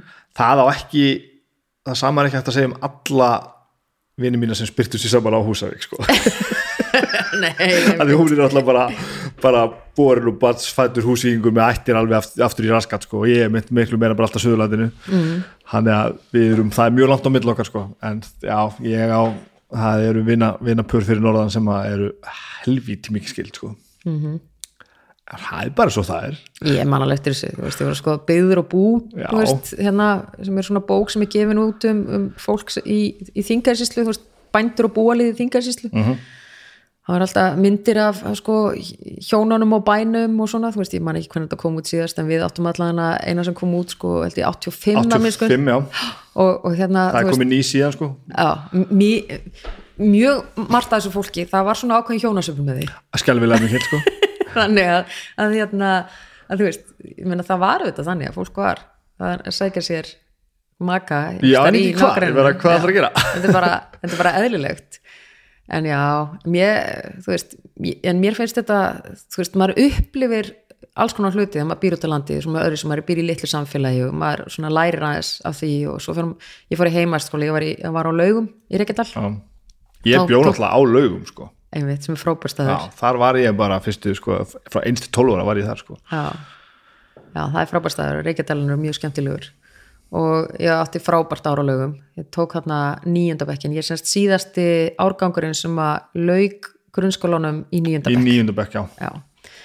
og, og þetta var mjög fínt. En þarna var ég mitt svona sko þú veist að því að sýsti mín er sjö árum eldri en ég og, og var mjög mikið að heima, var mikið á ömmu og afa í fríum og svona þannig að ég, svona, hún segir stundum að ég hafi verið alveg upp sem svona hálfgjört engabann sem er að sjálfsögðu rangt hjá henni en samt en ég hafði ofsalega gott að því að fara inn í svona samfélagi eins og til dæmis skólan og lögum, þú veist, vera aðna heima og deila herbyggi með öðrum og svona, þú veist, maður þurfti bara einhvern veginn að læra að taka tillit og, og hérna, takast á við, þú veist, þegar eitthvað kom upp á og, og svona. Þannig að ég, allavega, ég held að það hafi verið mjög gott veganesti. Það er merki, mjög merkilegu staður sko, þannig að laugar, þetta er einhvern veginn. Það er einhverju galdra það sko. Já, ég, það er eitthvað ótrúlega skrítið sko, þú veist, þetta er einhvern veginn þegar maður, þetta er svo að vera með svona svona, þú veist, svona samhliða heima þannig að því að, að þegar að ég átti býtu nú við, já, fyrir sex árum, þá var ég sem sagt 25 ára níundu bekkingur þú veist, þeim er alltaf bóðið já, að- að- sem svona útskriftar árgangi á, á útskrift hjá lögaskóla og þá fór ég að skoða það alltaf, þá búið að breyta sko mikið þarna, veist, herbyggi mitt sem ég hafði verið á var orðið skrifstofu og eitthvað svona. Og þetta er náttúrulega allt breytingar sem ég varst fullkomin að ef ég er íhaldsmaður í einhverju þá er það svona hlutur og, og hérna en, en það er svo skrítið sko, ég man alveg, ég er með, tva, veist, þetta er svona, með tva, tvær minningar, svo svona samhliða minningar af húsinu, þú veist, að ég man alveg nákvæmlega hvernig húsið er þú veist, í minni minningu Já. en svo veit ég að það er öðruvísi þetta er, þetta er, er ógislega skrítið sko, já að eitthvað ég, sem hefur ekki breyst síðan þá já, veist, að í minningunni Já. lítur þetta ennþá út bara gangurinn er svo er og herbyggi mitt er til hægri og svo framvegis en ekki bara þannig þessi ykkur kaffistofur og skrifstofur og eitthvað. Varst í skólanum sjálfum að, já, ég var, þetta, ég var semst í gamla skóla með herbyggi já, búið að breyta svona miklu þar. Það búið að breyta alls konar og ég menna uppi þar sem að voru og svona það eru konar kænslistofur og eitthvað, þetta er alveg, gamli skóli er mjög breytur ég hef ekki komað inn mjög lengi. Ég náttúrulega var aldrei það í skóla sko. Ég var bara í litlulega skóla í grunnskólanum og svo erum við flutt í 12 ára og svo fyrir ég bara myndast ég að fara í framhaldsskóla húsavík og aðeins í MA eitthvað. En svo flosnaði upp úr því. Já, veitu, já, varstu í hvenær fluttir söður? Söður, Já, hingað, til Reykjavíkur. 98 þá var ég tvítur Já, einmitt, þannig að, byrja, þú fórst í Emma og, já, ég var þar í eina önn sko já, einmitt. Þetta gekk ekki vel. Ok, hvað var það sem, að, sem að var að trublað? mig, Já, eh, bara eitthvað rótleysi sko. Bara eitthvað, eitthvað unglíka þunglindi og bara eitthvað svona varst í heimaðist? Já, þá, Já. já, já, og það var hrikalega gaman sko. Mm. og meiri sér á þessu hálfu ári sem ég var þarna kannski, já, var þetta ekki bara hálft ár? Jú, þetta var bara ein önn sko. Þá er ég ennþá vini sem að ég held alveg svona sambandi við í dag. Mm. þannig að mér leiði alltaf vel og það var alltaf frábært að vera ég, en ég hefði ekki sko ég hefði ekki utanum hald á neinu, ég gæti ekki gert neitt sko.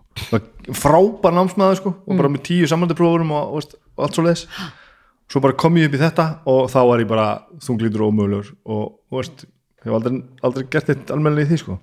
Svona námslega sér sko. Það var náttúrulega mikill munur á, sko, veist grunnskólanum og svo, veist, MA maður átti í MA þá það var ekki mikið um skyndipróf eða einhver svona prófin og, inn á miðri og önn og eitthvað, veist, maður var mest bara í einhverju lokaprófum. Já, og það, ég, ég veit að það var fyrir, ég held að það, það hefur breyst mjög mikið sko, síðan þá, veist, en til dæmis þegar ég var í skólan og þá var þetta þannig.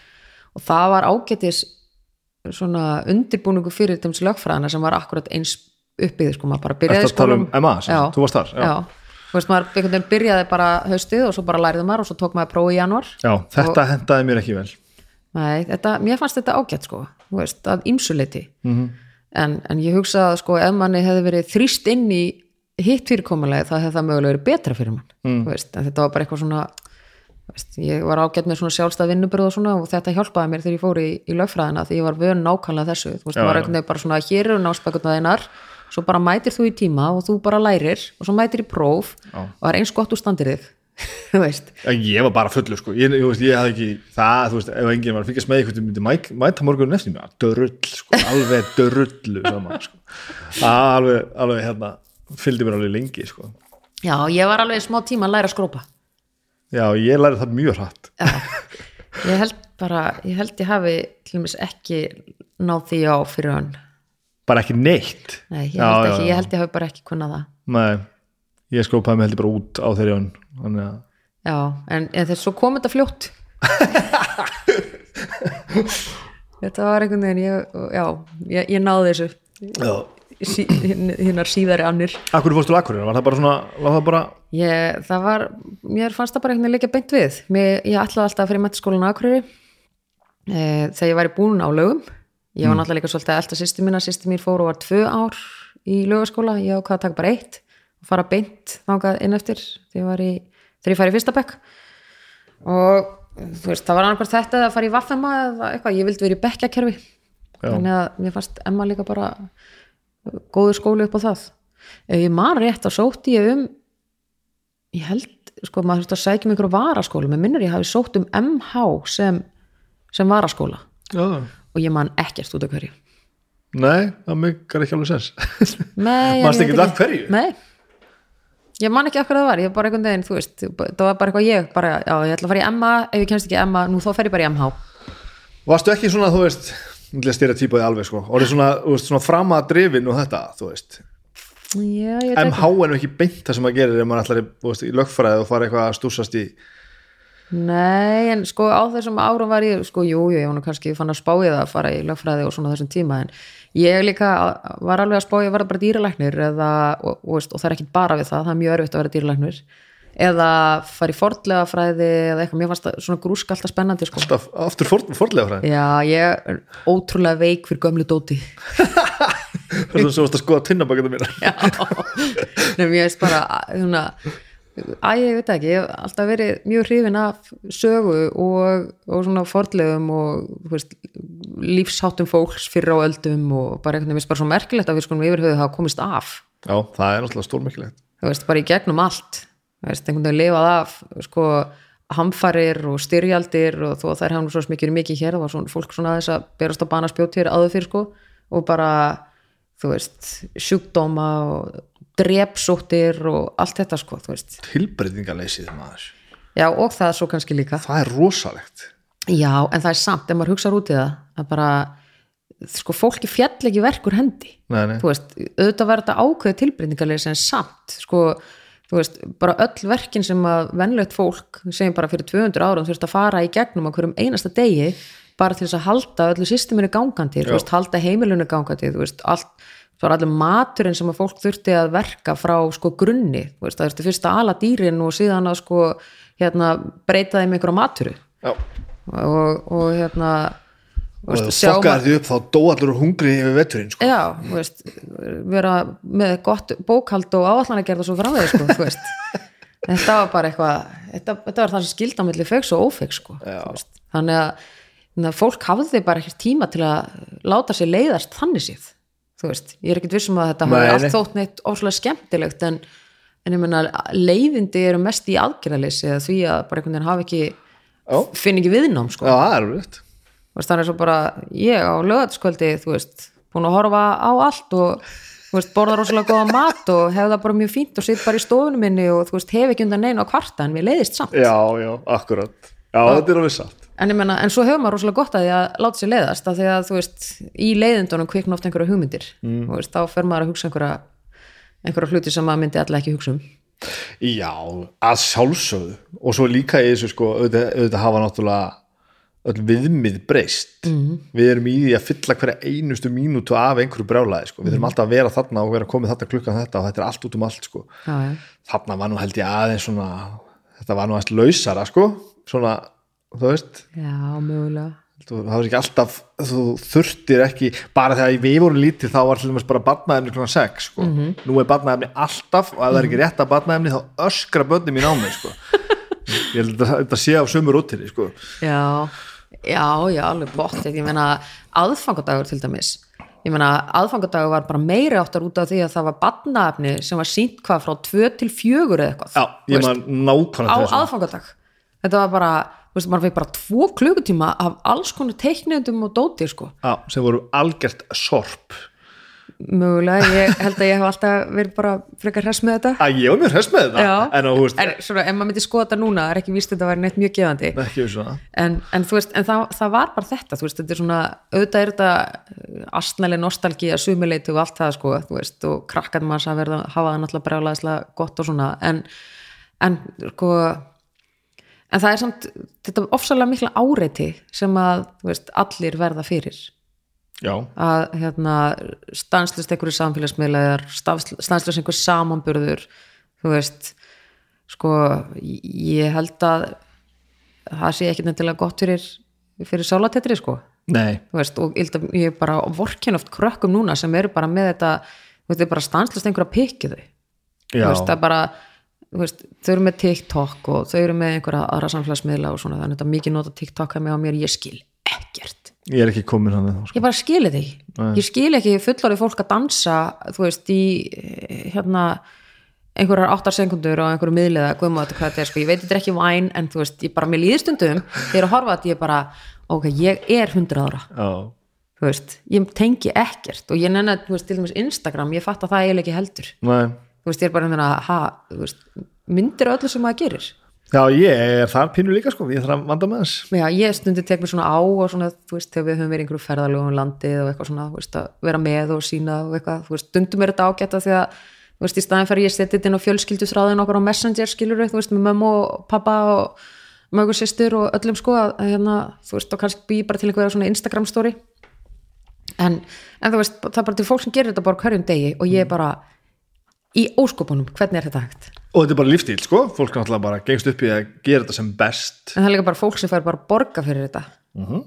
En þú veist, ég til dæmis áttaði með því að þú veist, ég, mér líður líka þú veist, ekki bara 100 ára, heldur mér svona 150 ára. Þegar þú veist, bara eitthvað fullt af fólki fréttir sem er eitthvað að giftast og þú veist, þessi er eitthvað ólétt og þessi voru mögulega að skilja og eitthvað svona og ég er alltaf bara, hvað fólk er þetta? já, já, já, og ég er alveg svona, oh, ég verði einhvern veginn að hísi upp um og reyna að fylgjast með og svo er ég bara, eða ekki? Ég er aðeins búin að ko- sko, koma staðið með sjálfa mig sko, að ég held ég sé bara svo sjálfhverfur. Ég hef ekki nú mikið áhuga á því hvað aðrir eru að gera. Veist, ég bara, akkur að ég vera að skoða þig að leika þér við hundi? Mér er alveg dörull sko. Svo er það, ég er enda líklegust til að skoða svolítið, ég er nefnilega í mínu til dæmis, í mínu Facebook feedi þú veist, þú fær svona vídeo og svona mm. bara katta myndbönd Já, ok, ok og ég er alveg, þú veist, ég, ég er dett út og fer bara að horfa á einhver kattavídeó sko. Ég já. nenni því, mér finnst það bara krútlegar Já. kísur, já, þannig er mér á internetinu ég viðkynna að ég sagði það bara hunda því ég vildi ekki að segja börn sko. mér, mér er einabla dörull þegar þú ert að leika við barnið sko. ég hef engan áhuga á börnunum þínum sko. Nei, veist, ef ég þekki þig Já. mjög vel og börnið er líka þá skil ég þetta sko. en hvað, akkur ætti ég að horfa í átta mínútur af einhverju, einhverju mannesku að leika við barnið sem ég þekki ekki neitt sko. Þetta, er, þetta er, ég myndi segja að þetta væri svona tilvistaleg spurning. Haldum bara sáfram og þú klárar það Emma? Já, það er rétt, ég er en þá. Já, ég kláraði þeim að og, og fór, þá tek ég eitt ár vann fyrir norðan. Þú ert ennþá bara fyrir norðan? Já, já, bara? Bara fyrir norðan, alls ekkert bara. Nei. það er svo ekkert bara við og eru, þarna eru þess að komin til akkurar Já, mamma og pappi fluttu eða, mamma fluttu í bæinn aftur 93 þá var ég búin að vera í, í MA síðan 90 já, byrjaði þar hösti 90 og, og hérna hugsa, hugsa út í það, það er ráþæra í ríkistjórn e, sjálfstæðisflokksins og vinstir græna og framsvarnarflokksins mm. sem var ekki fættur þegar ég byrjaði í MA já, það er staðrind já, þú veist, hún fættist sem sagt um það byrjum tveimur mánuðum eftir ég byrjaði í metaskóla mjög stalt alltaf alltaf fyndin það er áhugavert sko. Já, en allavega, sko. Ég var nú með ráður hérna hjá mér um daginn það var mjög fyndið að tala við hana hún er miklu, miklu yngri en ég sko. Þórdís. Þórdís Kolbrún, það var mitt, hún var þryggjára þegar ég byrjaði í, í, í, í, framhaldsskóla. Það er mjög magnað sko. Já, það er mjög skemmtilegt. En allavega uh, já, hún er náttúrulega með skagan skagatengingar eins og þú. Já, ég er enda einhvern veginn ekkert mjög tengdur skagan sko. Bróðu minn er eiginlega, hann er gifturinn á skagan sko. Já, veru, já, einmitt, Og sem eru það- vinkona Þórdísar. Akkurat, þetta tengist nú allt saman sko. Þetta er bara Ísland, það er bara svona það er bara, þú veist, ef þú bara hugsaður um það í smástund þá tengist allt. Það er þannig sko, finnum líka að byrja með svona þætti hérna að- að að ég það svona, því ég hitti fólk uh, sem er að tala um þessi viðtöl mm. þá þarf ég oft sko að að útskýra og eða afsaka við, viðkomandi sem ég var að tala við að því að fólk leggur einhvern veginn sem að tóða tóða vissum sko já já þú er ekki nefnt að leita viðmælanda núna þú fórst bara og, og pikkar í hann og bara, ég þekki hann ekki neitt sko. Nei. en svo er eitthvað svona fjastæðu kendara fólk sem bara já við erum nú vindar vinni sko búin að vera lengi. Þannig að tengslin eru svo ótrúlega ég var nefnt að hugsa um það sko því að pappiðin var náttúrulega tónlistakennari og stilti píano og svona. Já, ég var nefnt að veltaði fyrir mig hvort hann hefði þú veist, ég lærði á píano og svona þú veist, Já. og ég fór bara svona að velta þessu fyrir mér. Ég man það ekki, en, en þú veist, þetta er svona lítið samfæli og það var ekki offrambáð á píanostillingamenn Nei, það er eiginlega óhugsandan að ekki gert það ef að píanóði var ekkert stilt sko. já, já, það var stilt, það var bara reglulega, það stóði útvek sko. Hann hefur nú ekki verið ánægð með það. Það er Nei, sjálfsagt það var einhvern veginn bara, þú veist, það var bara uppstillingin á, á, á stofunni var þannig. fólks og kreddundan er saman við það að eiga píanó þá er ekki hægt að eiga píanó af því það má ekki standa það sem nokkuð tíma skín sól það má ekki standa við útveg sko. þú er yfirlt einmitt að plassera það svona einhvern veginn á gangi þessum ekki pláss pláss fyrir það sko. Þannig ég hætti að hugsa um allt svona Já, Það skín- bara stilla það þetta. skín bara, bara sól á, á gítarana mína bara að það gerist sko. það er bara þannig, þessir hanga hérna bara útveg það er bara, svona þú stendur hérna strengurinn hérna beint á, á hljófærum mín það verður bara að hafa það sko. Já, og bókakilinni mín í gulna þarna og þetta er svona bara partur af prógraminu. En, en já, ég, hvar vorum við? Við vorum sérst á, já, í- hvað ég gerði eftir Emma. Ég fór að vinna, vann í eitt ár. Ég byrjaði að vinna, ég vann í kjötvinnslu og svo fór ég í, ég, fór ég að tók þátt í HM-æfintrunu 95, það var ferðarskristofa Akureyri sem að fekk hérna, miðasöluleifi á þetta í mannatúr þessu og ég vann þar í nokkra mánuði hún hérna, fór nú ekki alveg nógu vel þannig að, að svona í februar var ég orðan atvinnulegs og þá, þá fór ég að vinna á tölvuverkstæði sem var bara frábær vinnustæður og, og svo eh, var ég þar í stöðnum tíma því að ég endaði á því að fara að vinna á degi dagblæðinu degi Mhm. -hmm. þá um vorið uh, ég hafði skrifað einhverja grein og uh, sennilega hef ég labba, ég var eitthvað að rifja þetta upp um dag ég var að tala um þetta við eitthvað, sennilega farið með hann ég fór með hann, ég man eftir, ég, ég fór inn á skrifstofu hjá rittstjórunum sem var þá þannig, þetta heitir Óskar.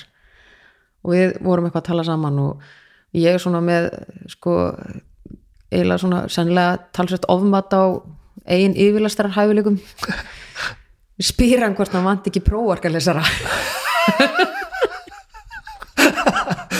Og hérna og það endaði þannig að blaðmann Já, og ég byrjaði þannig vorið. Og það var bara mjög gaman. Og þar, þar byrjaði sagt fjölmiðla starfsferillin og það er eitthvað, eitthvað sem þú varst búin að pælja áður eða? mér alltaf finnst rosalega gaman að skrifa. Og, og, og hérna náttúrulega með hennar brjálaðislega áhuga á öllu, veist, bara fréttum og pólitík og bara hverju sem gerðist. Þannig að, að mér fannst þetta bara að vera frekar svona veist, góð pæling þannig síðan en ég man ekki eftir því að hafa neitt stemt á þetta. Þannig, þetta er bara svona eins og svo margt annað bara gerðist. Og ég komst að því að þetta var skemmtilegt starf og umhverju sem hendaði mér. Þannig að ég, þetta var 95 og ég var bara meira á minni þessu fram til 2008-2009 Já, og meðfram lögfræðinni ég var að, veist, svo fór ég lögfræði og, og kláraði hann og kláraði náttúrulega ekki rítgerð fyrir seint og síðan mér, svona svo gerist hjá fólki. Aha. Og var alltaf að vinna með, ég veist, ég man til dæmis ég segi stundum, sko, ég get ekki mælt með því að vera í 100% námi og 100% vinnu og ég gerði í einn tvö ár. Ó, Já, þá var ég semst, með morgunúttarpi upp á rástöfu og var að klára lögfræðina. Og það er bara, þú veist, og með strákið minn lítinn á sama tíma, sko. Varst að gera þetta á sama tíma? Já, og ég var bara, þú veist, ég sko það er bara svona, stundum rennur þetta bara svona einhvern veginn saman, veist, það, það eru svona einhverjum tímar þar sem ég er ekki alveg vissum að ég muni bara almennilega eftir þeim, sko, af því að þú veist, maður var bara í skólanum, þú veist, ég var tók útsendingu á mótnana og svo fór ég í skólan og satt tíma og svo áttu þurfti maður náttúrulega að lesa og sinna börnum og eitthvað og svo þurfti ég að klára þáttinn og ég var vilt að fara að sofa svona undir miðnætti og svo vaknaði ég kannski svona 4.40 þú veist, og ég bara þú veist, ég bara skildi ekki núna. Nei. þú veist, ég myndi bara kveiki mér, ég væri í svona álægi en hérna en þetta var allavega þetta var, þetta var ákveðin lífsinsla En akkur varstu, að, akkur varstu í fjölmiðli og að læra lögfræði?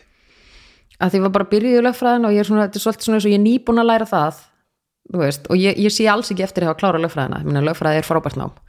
En hérna veist, ég er nýbúin að læra það til dæmis ef maður byrja á bók og hún er ógst að leiðil eftir 30 blæsur þá lesa ég oft svona 20 viðbóta því er alltaf bara ok, ég meina þú veist, hún hlýtur að verða betri eftir þetta og þegar ég er búin að lesa 50 blæsur þá var ég bara þannig að sko, ok, ég var búin að lesa 50 blæsur þannig ég las bara 250 viðbót og kláraði bókina því ég var byrjuð þannig, þú veist, var bara þannig ég kláraði alltaf bækur. Ég er nýbúin að læra það að ef mér finnst bók leiðileg eftir 50 blæsur, þá má hætta að lesa hana. Ég, Þú veit komið lengra en ég sko. Ég á mjög erfitt með þetta. Já, ég, veist, ég, ég, ég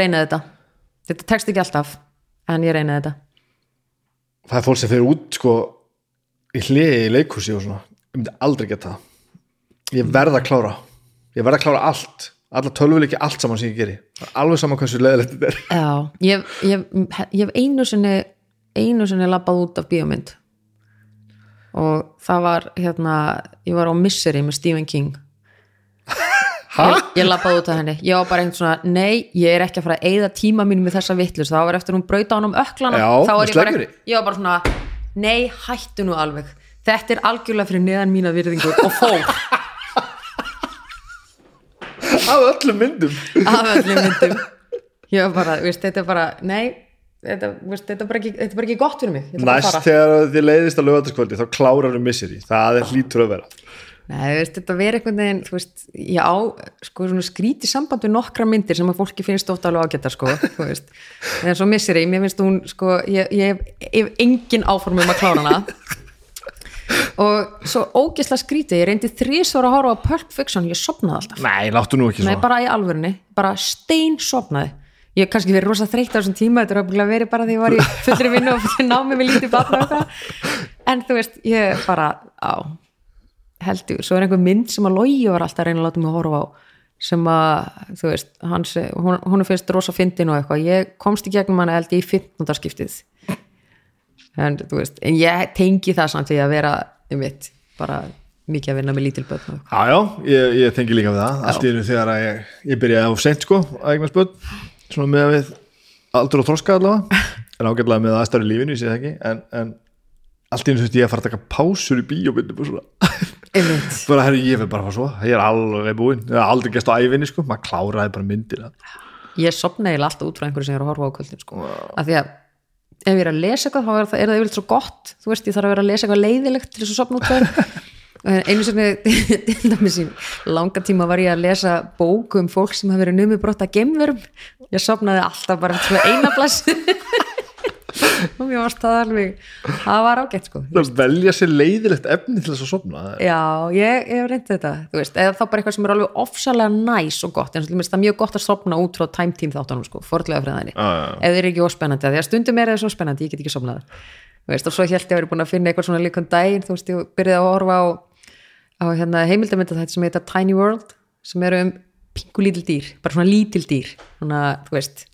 sko, svona svo kólubirfugla og, og hérna einhverja, einhverja litlar svona fílamís og eitthvað.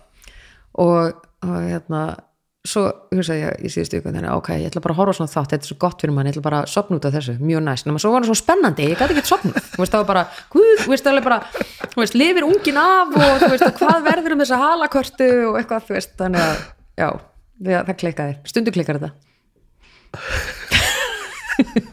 En þú rumpaði þess að lögfræðir bara af en samt ég rumpaði hann ekki það, ég skrifaði sko hérna, rítgerðina þú veist, sex árum eða eitthvað eða fimm árum eftir að ég kláraði eh, svona megnaði áfangunum, ég átti einn áfanga eftir sem ég tók hérna í einhverju millibili hjá mér einhverju fæðingarólu eða eitthvað. Og svo bara, já og svo, svo kláraði ég rítgerðina eh, bara þarna í hruninu. Já, já, já það fannst mér góðu tími til þess að fara að klára rítgerð en þú fórst streit áfram bara í fjölmiðla þá? Já, já ég fór af degi þú veist ég, ég hætti að vinna á degi þegar dagur ég var endar að fara þá í fæðingarólu og svo á, breytist dagur í dagtíman. Mm -hmm. e, eftir það fór ég að vinna á svæðisúttorpinu fyrir norðan. Mhm. Tók þar eitt sumar og svo einhvern partur öðru og svo fór ég að vinna á Rás 2 og var þar í nokkur ár þangar til að ég fór að vinna fyrir sjónvarpið, bara fór í Kastljós. Og svo fór ég á sjónvarpinu á stöð 2 og var þar þangar til að ég hætti um hrun. Já, og þá fór ég að skrifa rítgerð og klára aðlega fræðina og fór svo bara að vinna sem frangandstjóri í Þingflokks Sástæðsflóksins já, þetta er bara svona, svona gerist þetta bara Já, þetta var nú ekkit kann, kannski endilega neitt svona beinn og breiður vegur sko, þú veist, og, og fyrir einhvern sem hefur unnið meira hlutina starfsæfinu á þeim tíma í fjölmjölum, þá er náttúrulega ekki, ekki kannski besta hugmynd í heima að fara að vinna fyrir stjórnmálflokk. Nei, ég mitt, ég ætla að einhver, einhver staðar í ferðilinu ætla eitthvað- ætla að stinga þessu er þetta ekki svolítið hérna er þetta ekki svolítið brött brekka það einhvern veginn Æ, þetta var einhver svona hrun hugsun held ég sko, þú veist, það bara það er allt í vitleysu og mér finnst, kannski get ég gert gagn á þessum vettvangi og mér fannst það bara einhvern veginn skipta máli, þannig að ég áða til að gera hluti sem mér finnst um skipta máli. og bara genuinely þú stökkst bara það inn að þið þurft að hjálpa eða þannig, við leið bara þannig? mér leið þannig, Já. þú veist, ég veit eitt hvað þeir voru að hugsa sem réðu mig, sko. Veist, í, ég, var, ég var bara einhvern veginn bara ok, ég hugsaði svona, ok, þannig það eru tveir eh, svona að verða miðaldra kallmenn veist, ég hef einhver að trúa þessu vegna þess að, sko, veist, ég var ólétt þegar ég byrjaði að vinna sem frangatstjóri þingklósins eh, þannig að það var líka alveg ljóst að ég myndi þurfa að fara í fæðingaróla á einhverju tímapunkti og svona, sko, veist. Ég var alveg, alveg bursir á því hvernig þú horfir á vinnumarkan og svo framvegis.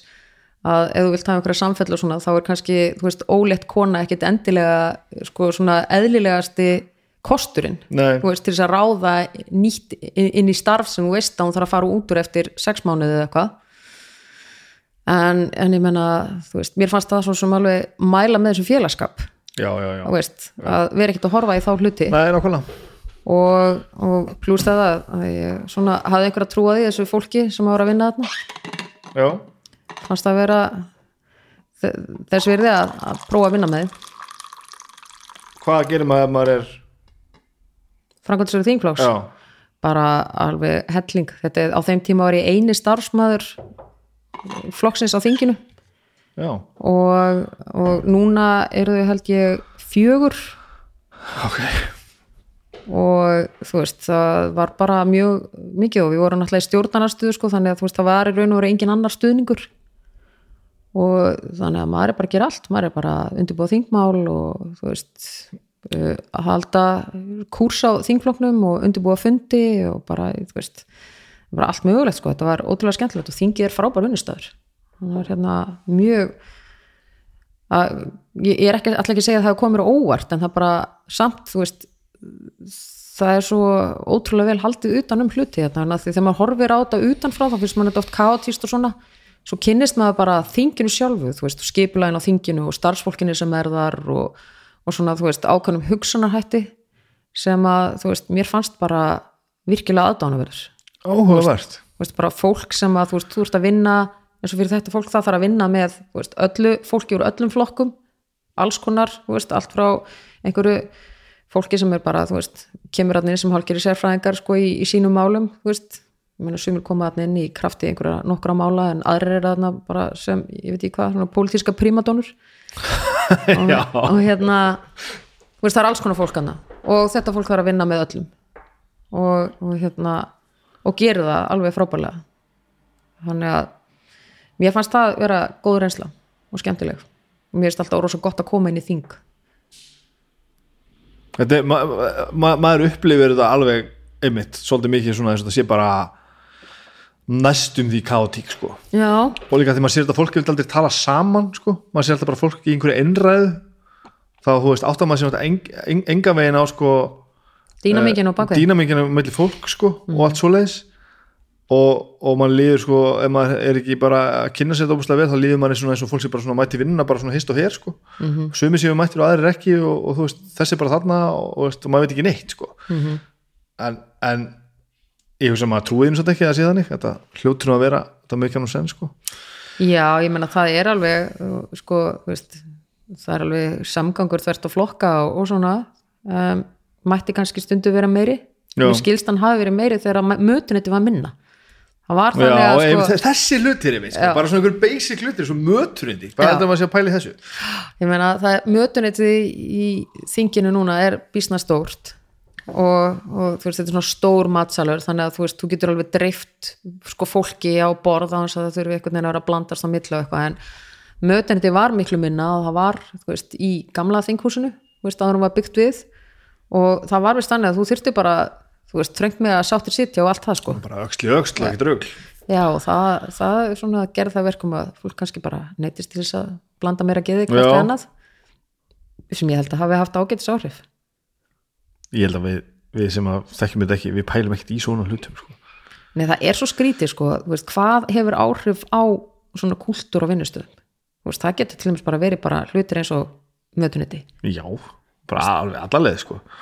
að hitta fólk svona, veist, þvert á deildir eða eitthvað og, og ég menna, þú veist, ef maturinn er ekki góð þá nennir enginn að fara og hittir enginn ef það er góðu matur þá kannski situr þú lengi og farið aftur og spjallar meira og svona. Þannig að það getur alveg verið eitthvað sem að skipti máli. Uh. langaði þið alltaf að verða eitthvað? Þú veist, þú, annað- það, þú veist svona þú veist, jobbin sem þú ert að lýsa er alltaf svona svolítið, þú veist, þú ert alveg til í að, að gera eitthvað svona sem skiptir ykkur máli. Og þú sóttir um útfastjóra og, og eitthvað svona. Þú veist alveg til í að standa svona eitthvað og, og gera eitthvað já, ég menna mér fannst útastjóri vera mjög spennandi gig. Já, og, og hérna sem Pétur fyrir nú rá- ráðinn góður maður í það. Fyrstu reyðu mig ekki en allt í lagi. Ok þá. Já. Um, já, mér finnst bara sko ég, hluta til ég, ég hef alltaf ákvæmna tilfinningar til dæmis til veist, ríkisútvarpið á miklu meira í mér einhvern veginn og þú veist mínum mótunar árum heldur til dæmis stöð 2 já, veist, ég, ég stundu tengist maður vinnustöðu svona ákveðnum tilfinningamöndum, þannig að líka þú veist, þetta er svona svolítið eins og með aðaldælinn sko, því ég kem upp í ríkisútvarp, mér finnst alltaf frekar næs að koma þar inn. Já, ég skilji, ég skilji og, og jafnvel þó að, veist, að- svo eru þetta þannig að það er ekkit rosalega starfsmannavælt þar, það er ennþá fullt af fólki að vinna þar sem ég vann með, sko, fyrir hundra árum. Já, já. það segir nú til dæmis í mislegt sko. Já, já, það gerir það. Og, og það eða botti þetta sko Nei, þetta er, það er stundum er það bara eitthvað svona, ég veit ekki þú veist, það er, er, sem þú segir, sko, það er, bara eitthvað í vatninu þú veist, það er eitthvað í loftinu, þú veist, það er gaman að vinna með fólki, það er að vinna á stað þar sem að fólk, þú veist, er að vinna með hugmyndir mm -hmm. eins og bara fólk gerir í fjölmjölum, það er bara þú ert einhvern veginn að vinna með hugmyndir og vinna með svona þú veist, fólk og eitthvað svona, reyna að skapa eitthvað og reyna að ná til fólks og segja því eitthvað, gera eitthvað, veist, sem að á endanum kannski skiptir einhvern einhverju máli. Þú veist, jáfnvel bara það að stýta fólki stundir sko. Já, já, en spurningi var akkur er þið langið til þess að stjórna svona hlutum? Já, einmitt, stjórnaðin Þú gerir þetta svolítið, þú fer bara eitthvað annað. Sko, ég er náttúrulega með sko, já ég, ég hef reyndar aldrei fengið greiningu en ég, það er svona, það er svona, svona pælingin hjá mér var það að núna nota tækifærið og drífa mér svona hérna, aðtilsprest greiningu af því að ég held að ég hafi fattað það í mitt veist, þegar að ég fór að vinna í fjölmjölum og fór til að sitja í svona viðtölum og ta tala við fólk á eitthvað að þú veist, ég gæti dottið út, ég þó ég verið sjálfa að taka viðtalið. Já, já, þú veist, fólk á bara eitthvað að tala og ég fór bara að hugsa um eitthvað annað og, og hérna, eða að ég er sjálfu viðtalið um þetta og, og þú veist, ég get bara dottið út þar. Og hérna og ég hef mér hringdi sko fyrir viku. Þú veist, ég skal svara þessar spurningu eftir, ég manna eftir henni. En ég hringdi sérst fyrir viku á einhver svona greiningastöðu og, og til þess að tjekka hvort að ég geti komist í greiningu. Og uh, þú veist, þá segir bara einhver já, þú ert nú með sjö í rauðin og þá er ég bara ágúðin en ekki byrja þarna, ég ætla að ringja eftir. Og síðan í vika, sem er svona held ég bara ég held þú þurfir ekkit greiningu ef þú ert svona. En allavega, já, sko, akkur ég vil stjórna hlutum? Sko, ég þarf ekki endilega að stjórna hlutum. Nei, ég held ég hef ekki verið að tala um að stjórna kannski, en, en svona þú veist þú, þú vilt fara í einhver svona verkefni þar sem að þarf að gera eitthvað. Já, mér finnst bara veist, mér finnst- gaman að gera hluti. Veist, mér finnst gaman að sjá árangur af einhverju, þú veist, jafnvel þó að þú veist, annað fólk endilega sjá hann ekki sko glögt, þú veist, þú getur ekki þú ert ekki eitthvað með eitthvað pródúkt, þú veist. Ég get ekki sagt hérna, hérna er kassin sem ég smíðaði sjáðu, þú veist, ég er búin að mála hann allan út í hotn þú veist, heldur er þetta eitthvað svona mögulega gerður eitthvað fyrir fólk þú veist, mögulega gastu hjálpað einhverjum á leiðinni einhver sem var í einhverjum vandræðum eða eitthvað eins og til dæmis vinnan mín, það sem hefur gefið mér oft mest til dæmis í þessari í gömluvinninu minni var það að veist, fá eitthvað eirindin á borð þar sem var eitthvað fólk sem var búið að klímaðu kerfið og maður gæti leiðbeinti í gegnum það. Og þú veist, annarkvort leist málið eða, eða komið hlutum á þann stað að það væri hægt að leysa veist, mér, þú veist, það, það er bara eitthvað svona veist, þetta er svona langa bara til þess að gera eitthvað sem að gerir hlutina aðeins betri Já. og ef þeir gerir, veist, eða skemmtilegri eða bara, þú veist, einhvern veginn öðru bara reyfa hluti, Já, þú veist, það er eiginlega þessi tilfinning sko, ég meina, af hverju til dæmis, af hverju finnst þér gaman að búið tónlist? vá það er samt útrásamál fyrir mig sko. Já, það er mest það. Ég, mér finnst mest gaman að að- að að búa eitthvað til úr engu og, og, og líða bara eins og mér líður þegar ég er búin að því. Hvort sem það er að sko koma heim úr stúdíónu eða bara tala ekki um að spila tónleikum sko eða sko tilfinningin að nenna alls ekki á ennina fokking hljómsdræðinguna og koma svo heim og finna hvað það var frábært. Það er einhver næring í því sko. Mm. Ég er ekki að þessu til þess að búa til einhver meistarverk sko nei, en til dæmis, þú veist, þegar að fólk hlustar á tónlistina þeina, hvernig liðir þér þá? mér finnst það bara mjög mjög gaman mm. það, það skiptir mér mjög miklu máli en það skiptir mér ekki mestu máli að þessu öllu saman sko. þetta fyrir saman samt sko. ég, veist, ég myndi ekki endast ég er of ego-drifin til þess að að geta haft bara alltaf í skúfu sem ég er búið til sko. mm. en Þú er ekki svona ljóðskáld sem að skrifa bara fyrir skúfuna nei. Nei og ég meiri segja svo, svoleiðis að ég sem aldrei neitt nema að komi út. Ég hef enga þörf til þess að búa eitthvað til en nema að komi út, ok, nema að verði sagt, að, að það fara allir í gegnum e- þá yfir hljómsveitina sko. ég sem bara að því að það þarf fattur, það vantar texta við þetta lag og þá sem ég hann sko. þannig að ég, eitthvað, ég, fæ, ég fæ aldrei neina köllun að gera eitthvað nema vegna þess að ég er að gera eitthvað annað fattur ég er ömulegt skáld hvað það varðar sko. Þú veist, ég, innblástum minn er ekki eitthvað að labba á, á, á björstum vordi bara gerist ekkert sko. Nei, um mitt en það er ekki sko mér finnst þú svo gaman það sem þú ert að segja mm. ég tengi þessa tilfinningu þegar ég er búin að gefa út plötuna. Mm. veist, þá gerði ég eitthvað og hún er komin hérna veist, fyrir fram að mig, Þa, þá fæ ég svona bara herðu, þarna hreyði ég eitthvað á stað og bara bjó eitthvað til sko. Og kannski það er svona að tala um hérna þegar fólk er að hlusta á mig, það er kannski það meira sko, bara ég kefti plötunu en hún er frábær, það er bara svona, er, ok, þannig að gerðum við eitthvað. Heldur þetta sé bara partur af þeirri, þeirri grein bara, Já, ég meina, þú veist, þetta er svolítið svona, þú veist, það er eins og maður hugsa sko, þú veist, já, óspennandi ég til veist mál sem ég var að vinna upp í ráðanetinu sem að, sko, þú veist hljómar ekkit óslega spennandi en það snýst samt um það að geta fengið sérfræðinga til að vinna til Íslands, þú veist bara sérfræðinga í alls konar greinum og þú veist, geta nú veitt þeim sko skatta ívilnum þannig að, að til dæmis þeir eru að halda heimil í tveimur löndum og svona þeir eru að koma enn tímablindu eitthvað, þá er auðveldara fyrir þau að koma eitthvað, auðveldara fyrir fyrirtæki að ráða þenga því eru með eitthvað gulrót. Og veist, þetta er svona mál sem ég var að vinna einhvern tíðan og, og hérna, þú veist, við breytum lögum til að þetta veri hægt og, og svo fæ ég skýslu, þar sem ég sé sko að það komur svona margir sérfræðingar að vinna í þessum hérna bransa og síðastar í gegnum þessa leið sko, þú veist. Já, já, já. Og þá er maður alveg svona ok frábært, þú veist, ég var já, þetta er gaman, þú veist, það er einhver hérna núna það er einhver fyrirtæki, einhver nýsköpuna fyrirtæki einhver tækni fyrirtæki eitthvað sem eru að fá eitthvað fólk sem að kemur og veist, kann eitthvað sem við okkur vantar hérna og kennir einhverjum öðrum og þú veist, þetta hefur einhver svona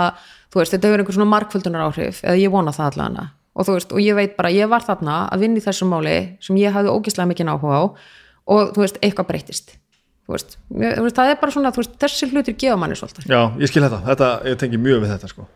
Þú veist, ég er bara því miður ekki að semja tónlist eða, eða eitthvað eða mála listaverk eða eitthvað en þú veist, mögulega að læka skatta þú veist Já, en, en mér finnst samt mjög áhugavert sko að, að þú sýttar að lækka skatta vegna þess að eitthvað sko mm. að ég, þetta hjóm þetta, þetta rifrildir hjóm sem ég heyri alltaf bara vera að rífast um einhverja skatta, hvað ætla að gera við þetta veist, hvað erum við að gera, erum við alltaf bara svona einhvern veginn svona eilifa rifrildi um eitthvað huglægt og enginn finnir fyrir því sko. mm. Ég heldur endur að fólk finnir fyrir því til dæmis þegar bara á meiri pening sjálf til þess að gera eitthvað annað sko, þú veist, það er ekki, það er ekki, þú veist þú fær bara ákvæða hvað þú gerir við peningana þina sem þú vinnuði fyrir í staðan fyrir einhver annar ákvæði í hvað þið að fara Öruglega, og ég er ekki að segja sko aðgerðis ekki góð mm. en ég er að tala um sko, ég tengi svo lítið þess að umráða því að hún er bara eitthvað svona almenn sko. mm.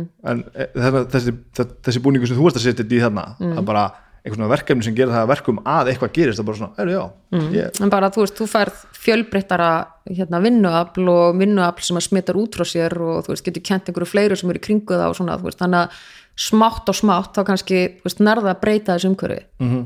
veist, með svona aðgerðum og ég menna það er það sem að gefur svolítið mikið gildi að geta gert eitthvað sem skiptir máli og þetta er dræfið þar já ég held það ég menna þetta er svona það sem ég sé fyrir mér sem dræfi í næsta starfi. Það er svolítið það að kannski geta haft áhrif á einhverju umræðu. Þannig að fólk skilji meira hvað gengur út á það að hvað, hvað það gengur út á að reyka til dæmis heilbyrgt atvinnlíf já. Veist, meina, það skiptir máli. Meina, við erum í alveg sko ymsir geirar hérna eru bara í massa vandraðum og þeir smita út frá sér. Og við þurfum einhvern veginn að vera tilbúin að leiðir til þess að vinna okkur út úr því þegar við fáum tækifæri til þess. Og mér langar til að vera með því. Þetta er gott sko. Ég, ég, já, nú skil ég þig. Ég skil þetta. Hérna maðurinn átti fjögur börn þegar þau byrjuð saman. Ákveðum að bara segja já við því?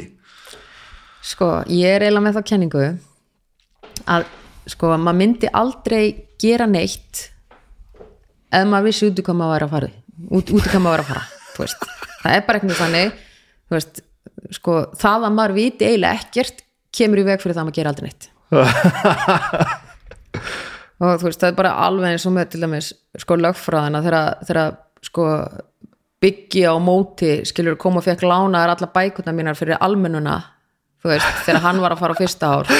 Og ég kom bara með einhverja hillumetra af lesefni sem ég hefði þurft að lesa.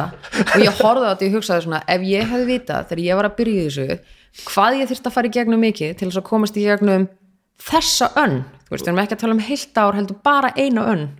Þá er ég ekki vissum að ég hefði klárað þetta. Nei. en að því ég vissi það ekki, þá bara einhvern veginn leti vaða. Og það er svolítið að ég hafði aldrei verið með manni sem átti fjöguböld þú veist. Já maður náttúrulega hafði ekki hugmyndu hvað ég var að fara út í. Nei. ég var bara eitthvað svona, þú veist 28 ára og 81 bann þú veist. Og eh, þannig að þetta var svona þetta var svona ókanað land, getur sagt það. Fljúandi starfst að byrja um 5 börn maður. Já, já, já þetta, þetta var, var ákveðin brekka. Ég get alveg sagt að sko það er einhver í þessari aðstöðu núna að þú veist það er eins gott að sambandi sér gott. Já, þú veist, þetta er, þetta er alveg brekka að gera þetta. Já, ég á tvö börn með sömu konunni og við erum saman og það er brekka sko. Með mitt já, þetta var alveg þú veist, ég, þetta var alveg erfitt á marga lund sko. Veist, það er náttúrulega erfitt að, að vera að taka saman og við vorum bæða þessum tíma þú veist, ofnbæra personur og, og svona, þú veist, og fólk hafði mikla skoðanir á þessu. Ég er svo, le, liðlugur slúðræði sko, var þetta alveg var, voru, þið alveg svona high, high profile þetta var að gerast það? Já, já, við vorum það, ég var að vinna í Kastlasunu og hann var, veist að lesa fréttir í sjónvarpinu og með sjónvarstætti og eitthvað svona þú veist. Þannig að já, já, við vorum það bæði þú veist. Þetta er sko, þetta var á þessum tíma þar sem að svona hluti voru alltaf einhvern veginn fórsýðu efni og síðu heyrt og eitthvað. Já, já, og þú veist maður sjálfur er yfirleitt svona þokkala rólegur yfir, mann finnst það leiðilegt svona vegna veist, allra hinna sem að standa að manni, þú veist, að vera vera í einhverjum svona slúðublöðum og svona. Já. En böggaði það ekkert? uh, sko jú, jú svona á ákveðin hátt kannski en ekki drúslega mikið vegna þess að þú veist, ég held að því við vorum tvö við vorum bæði sem að vorum í svona svipuðum aðstæðum sko. Já, veist, bæði að- svona high profile mennur já, þú veist, einhvern veginn við höfðum rosalega mikið stuðning hvort af öðru. Já, en, en mér fannst þetta líka bara ég menn eins og fyrir sko þú veist, fjölskyldurnar okkar og svona, þú veist, ég menna fóruldrum manns og fyrirvændi mögum og eitthvað svona finnst nú mennileg ekkert sérstaklega gaman þegar fólk er að slúrum mann sko. Já, þú lítur að leðeldur að fyrfirandi í þessu maður. Já, ég held að það til náttúrulega sé mjög leðilegt bara, ég var bara ekki eins og bara að velta fyrir mig það er bara, bara leðilegsta staðan að vera í. Já, já, og líka bara því að þú veist það fólk velur það heldur ekkert að, að, að þetta sé einhvern veginn slúður dagsins sko. Nei, nei, nei, nákvæmlega þannig að, að hérna nei. En veist, við erum líka bara frekar heppin með krakka held ég sko veist, þau voru við áttum til dæmis þrjú þannig sem voru fætta á sko sitt hverju árinu. Veist, 94, 95 og 96 já, nei, 95, 96 og 97 þú veist, ég þurfti stundum að telja inn sko. Að, þetta er svolítið margt. Þú verður að vitja bara hvað veist, það hlutir það sem mannst ekki sko. einmitt. Og, og þau voru svona, þú veist að þau, þau til dæmis eru mjög góðir vinnir í dag og, og einhvern veginn þurftu bara svolítið að vera svona finna sig áfram í nýjum veruleika og svona, veist þetta hefur þetta mjög mikið að gera með krakkana líka en ekki Já, bara já. mann sjálfan hvað er það gömul á bara hérna? hvað þeir voru að byrja saman? já, þau voru 6, 7, 8 já, þetta var stuð þetta er rosalegt maður Já. Erum við fjögur börn á þessum aldrei þá Nei, vorum við sko þrjú á þessum aldri uh, svo á logi, svo elsta stelpanarsló er talsveit mikið eldri og svo hérna yngsta stelpanans hún var bara nokkru mánuða gömulu þegar við byrjuðum að vera saman. Já, við erum alveg þarna. Já, þetta var, þetta var bara þetta var pakkin uh. með, með bara stóru píði og varst ekki, ég veit þetta er ósakjöld spurning en bara svo sjálfur, varst aldrei efins um mynd alls saman? Nei, það er magnað sko. Já, og kannski ástæði fyrir þetta gekk. Já, ég held það sko. Veist, en þetta segir bara, þú veist, ef fólk alltaf er að fara á til að pakka, það er eins gott að sambandi sé gott Já. og þess virði og hérna og ég er alveg, meina, í dag ofsalega fegin, veist, af því að ég veit ekki hvað fólk segir um það hvort maður geti átt sálufélaga veist, hvað, hvað fólk veist, segir um slíkar kenningar. -hmm. en ég meina, það, er mjög sérstaka mann til að geta búið með mér í allan hennan tíma. Já, og hérna, logi hefur staðið sem er mikill en ég, þú veist, þú ert náttúrulega bara að lýsa í kannski einhver tíundaveldi sem, að- sem að ég er alveg upplifalið sjálfur, þú veist, ég mér þetta ekki hug að koma nála því að eignast bann með einhverjum sem ég var ekki bara fullkóla ákveðin ég, ég ætla, það er sko að sambandi sér gott -hmm. þú veist, e, þú ert að lýsa einhverju sem er svona nokkur levelum ofar samt sko. já, og svo eignustu tvö börn í viðbót Já, ekki svo- hljóma því einmitt, viljandi Alveg. Ja, allan að annað hitt, hitt, fyrra barni var ákveði, hitt kom hérna, það, var, það, var, það kom meira óvart. Logi segir að það sé bara eins og ég get ekki reiknað sem er ekki satt, ég get alveg reiknað ég er bara ekki alltaf að því. Eitt í þessu. Mm.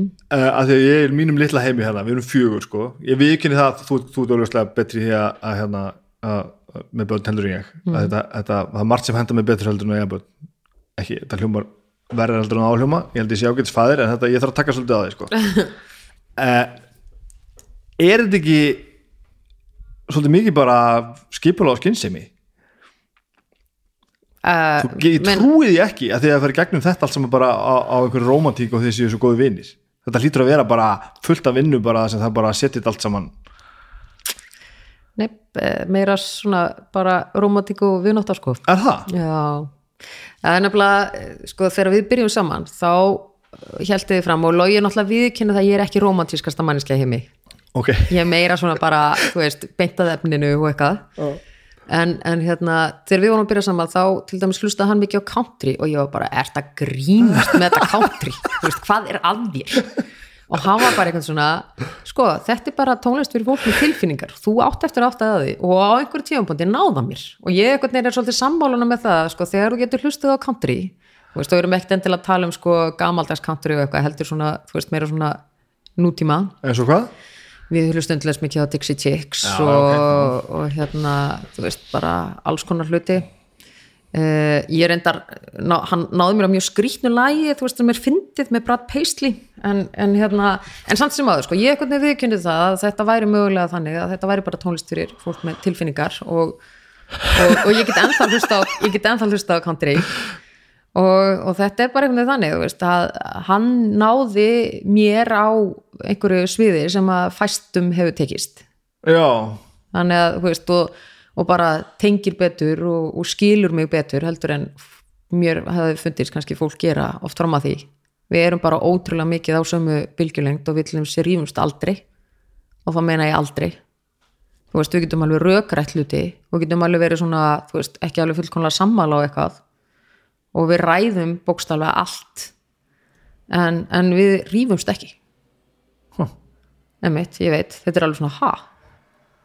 Og, og þú veist, þegar maður segir þetta fólk er það já, ég meina come on, og neða bara nei. Bara, þú veist, og, og höfum bara ákveðið þá. Ég held að það sé svona kannski pínlítið þú veist, það sem maður tekur út úr því að taka saman þú veist, þó þetta seint með alls konar farangur er að gera sér grein fyrir því að, að þú veist maður er bara að ganga inn í svona ákveð fyrirkomulag og maður er að taka sama við mótaða personu þú veist.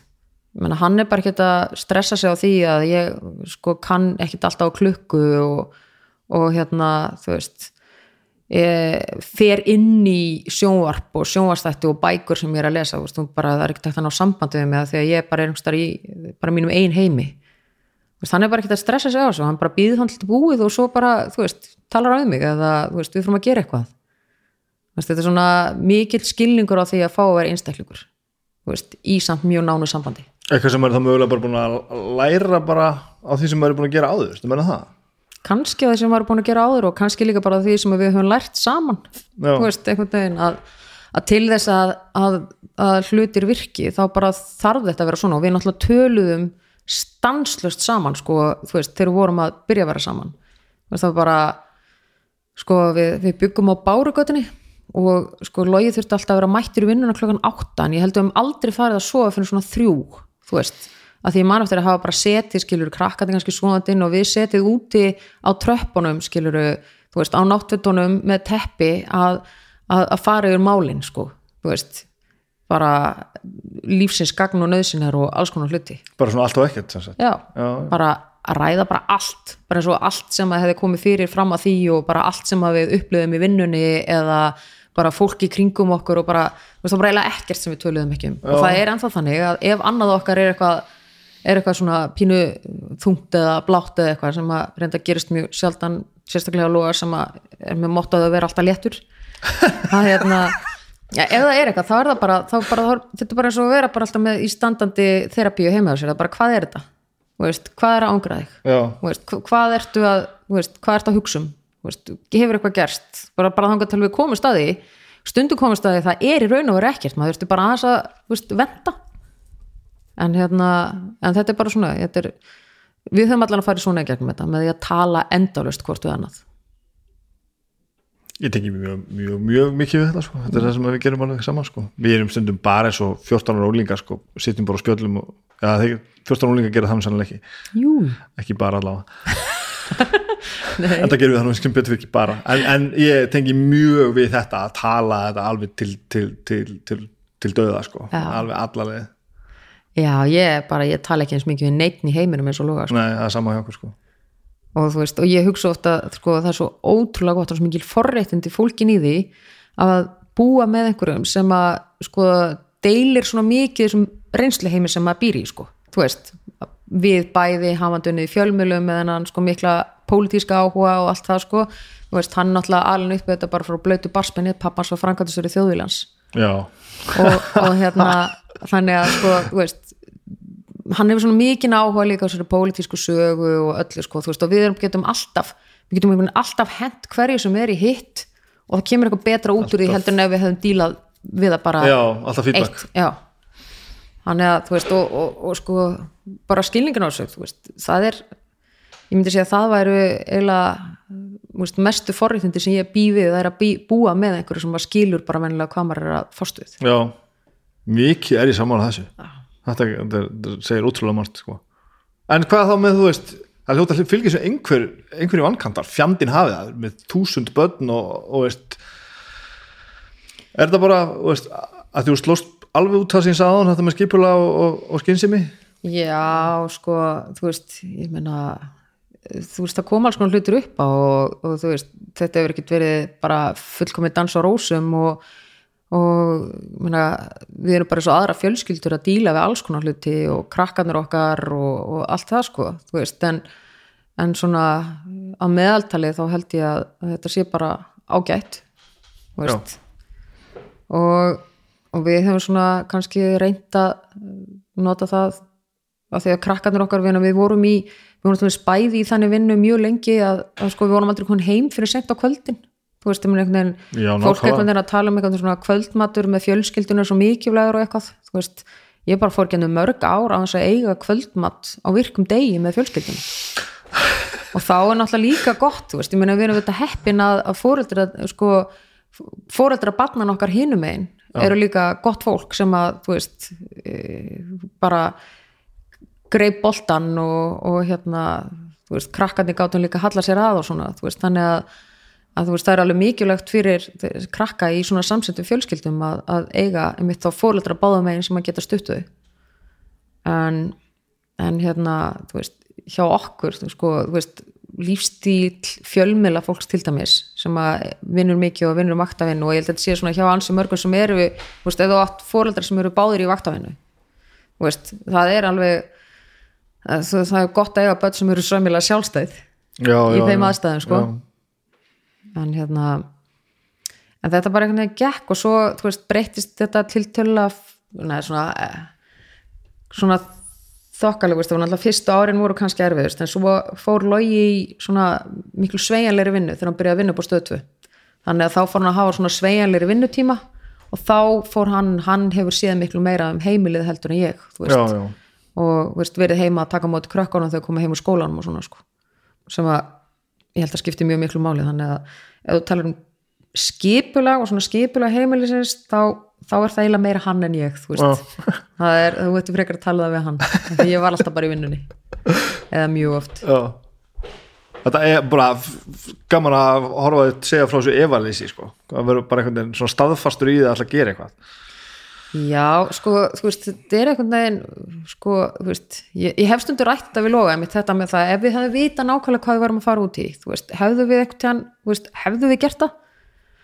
Og sko, ef ég hefði vitað bara á hvað stað ég hef tiltölulega fljóttur komin, uh, þá held ég, já, en ég meina það voru þetta nokkur áratna sem að voru bara, þú veist, erfið, bara erfitt að byrja upp á nýtt og erfitt að koma í þessu fótunum, þú veist, þú eru að kaupa sér húsnæði og hérna, þú veist, eiga lítinn pening og allt þetta sko, þú veist, ég meina en það fara, fara ekki flestir í gegnum svona tíma einhvern tíma sko, við tókum það bara tvisar frábært hvað hérna gerur þegar þú ert þú veist, ég sá þið bara með Iron Maiden plötnum daginn. Já, ég var náttúrulega hlustaði mjög mikið að svoleiðis, ég náttúrulega var ég í háralækja skóla Já. og það nú við félag allan að þráin átni sko. Já. Hann er skólafélagi minn, hann tveimur mikið en ég og þú veist, þessi háralækja skóli, ég veit ekki hvað það var sko, þarna bara fólk var mjög mikið að hlusta þungarokk. Og ég hlustaði mjög mikið með hann og var með og átti mikið að stráka vinum sem að sem að voru alveg á kafi þessu og voru sumurinn mitt alltaf mikið að sjálf vera fyrkt í tónlist og svona. Og, og, hérna, og þetta er ábygglega veist, bæði það, þú veist, það umhverfi og svo líka bara sýsti mín sem er miklu eldri en ég sem hefur svona mótað tónlistasmækinu hjá mér sko, því ég ólst upp við að hlusta á og sko, hérna, þursaflakkin og utangarsmenn og, og svona. Ok. Þú veist, mamma og pappi mamma ánáttúrulega stórkostlist safnað að sko smáskífum. Sjötónum já, hún hérna og bara svona möppu af smáskífum. Þetta er alveg frábært með alls konar dóti sem ég hlustaði á, að því að þú veist og gamla íslenskustöfinu bæði íslenskt og útlenskt og, og hérna það er hérna fullt af pinningum í þessu, passið ykkur ekki láta þetta fara eitthvað Nei, ég vona að mamma geimi þetta vel sko. Og hérna og bara plötu skúfan hjá mamma og pappa og svona, þú veist, maður bara hlustaði á það sem var til. Það var bara eins og með bókasafni sko. Þetta var bara, voru til plötur, já, Já, já, hlustaði maður á það, já. það var allt mögulegt, þú veist, frá Herb Albert yfir í sko, hérna, einmitt, bara guðma að vita hvað, ég segja sko, þú veist, hérna blokkflötu bræðurna og vestmanni skilur já, í bróðurni já, þú veist, við erum, við erum bara að tala um bara þetta var í skúfunni og þá bara hlustaði maður.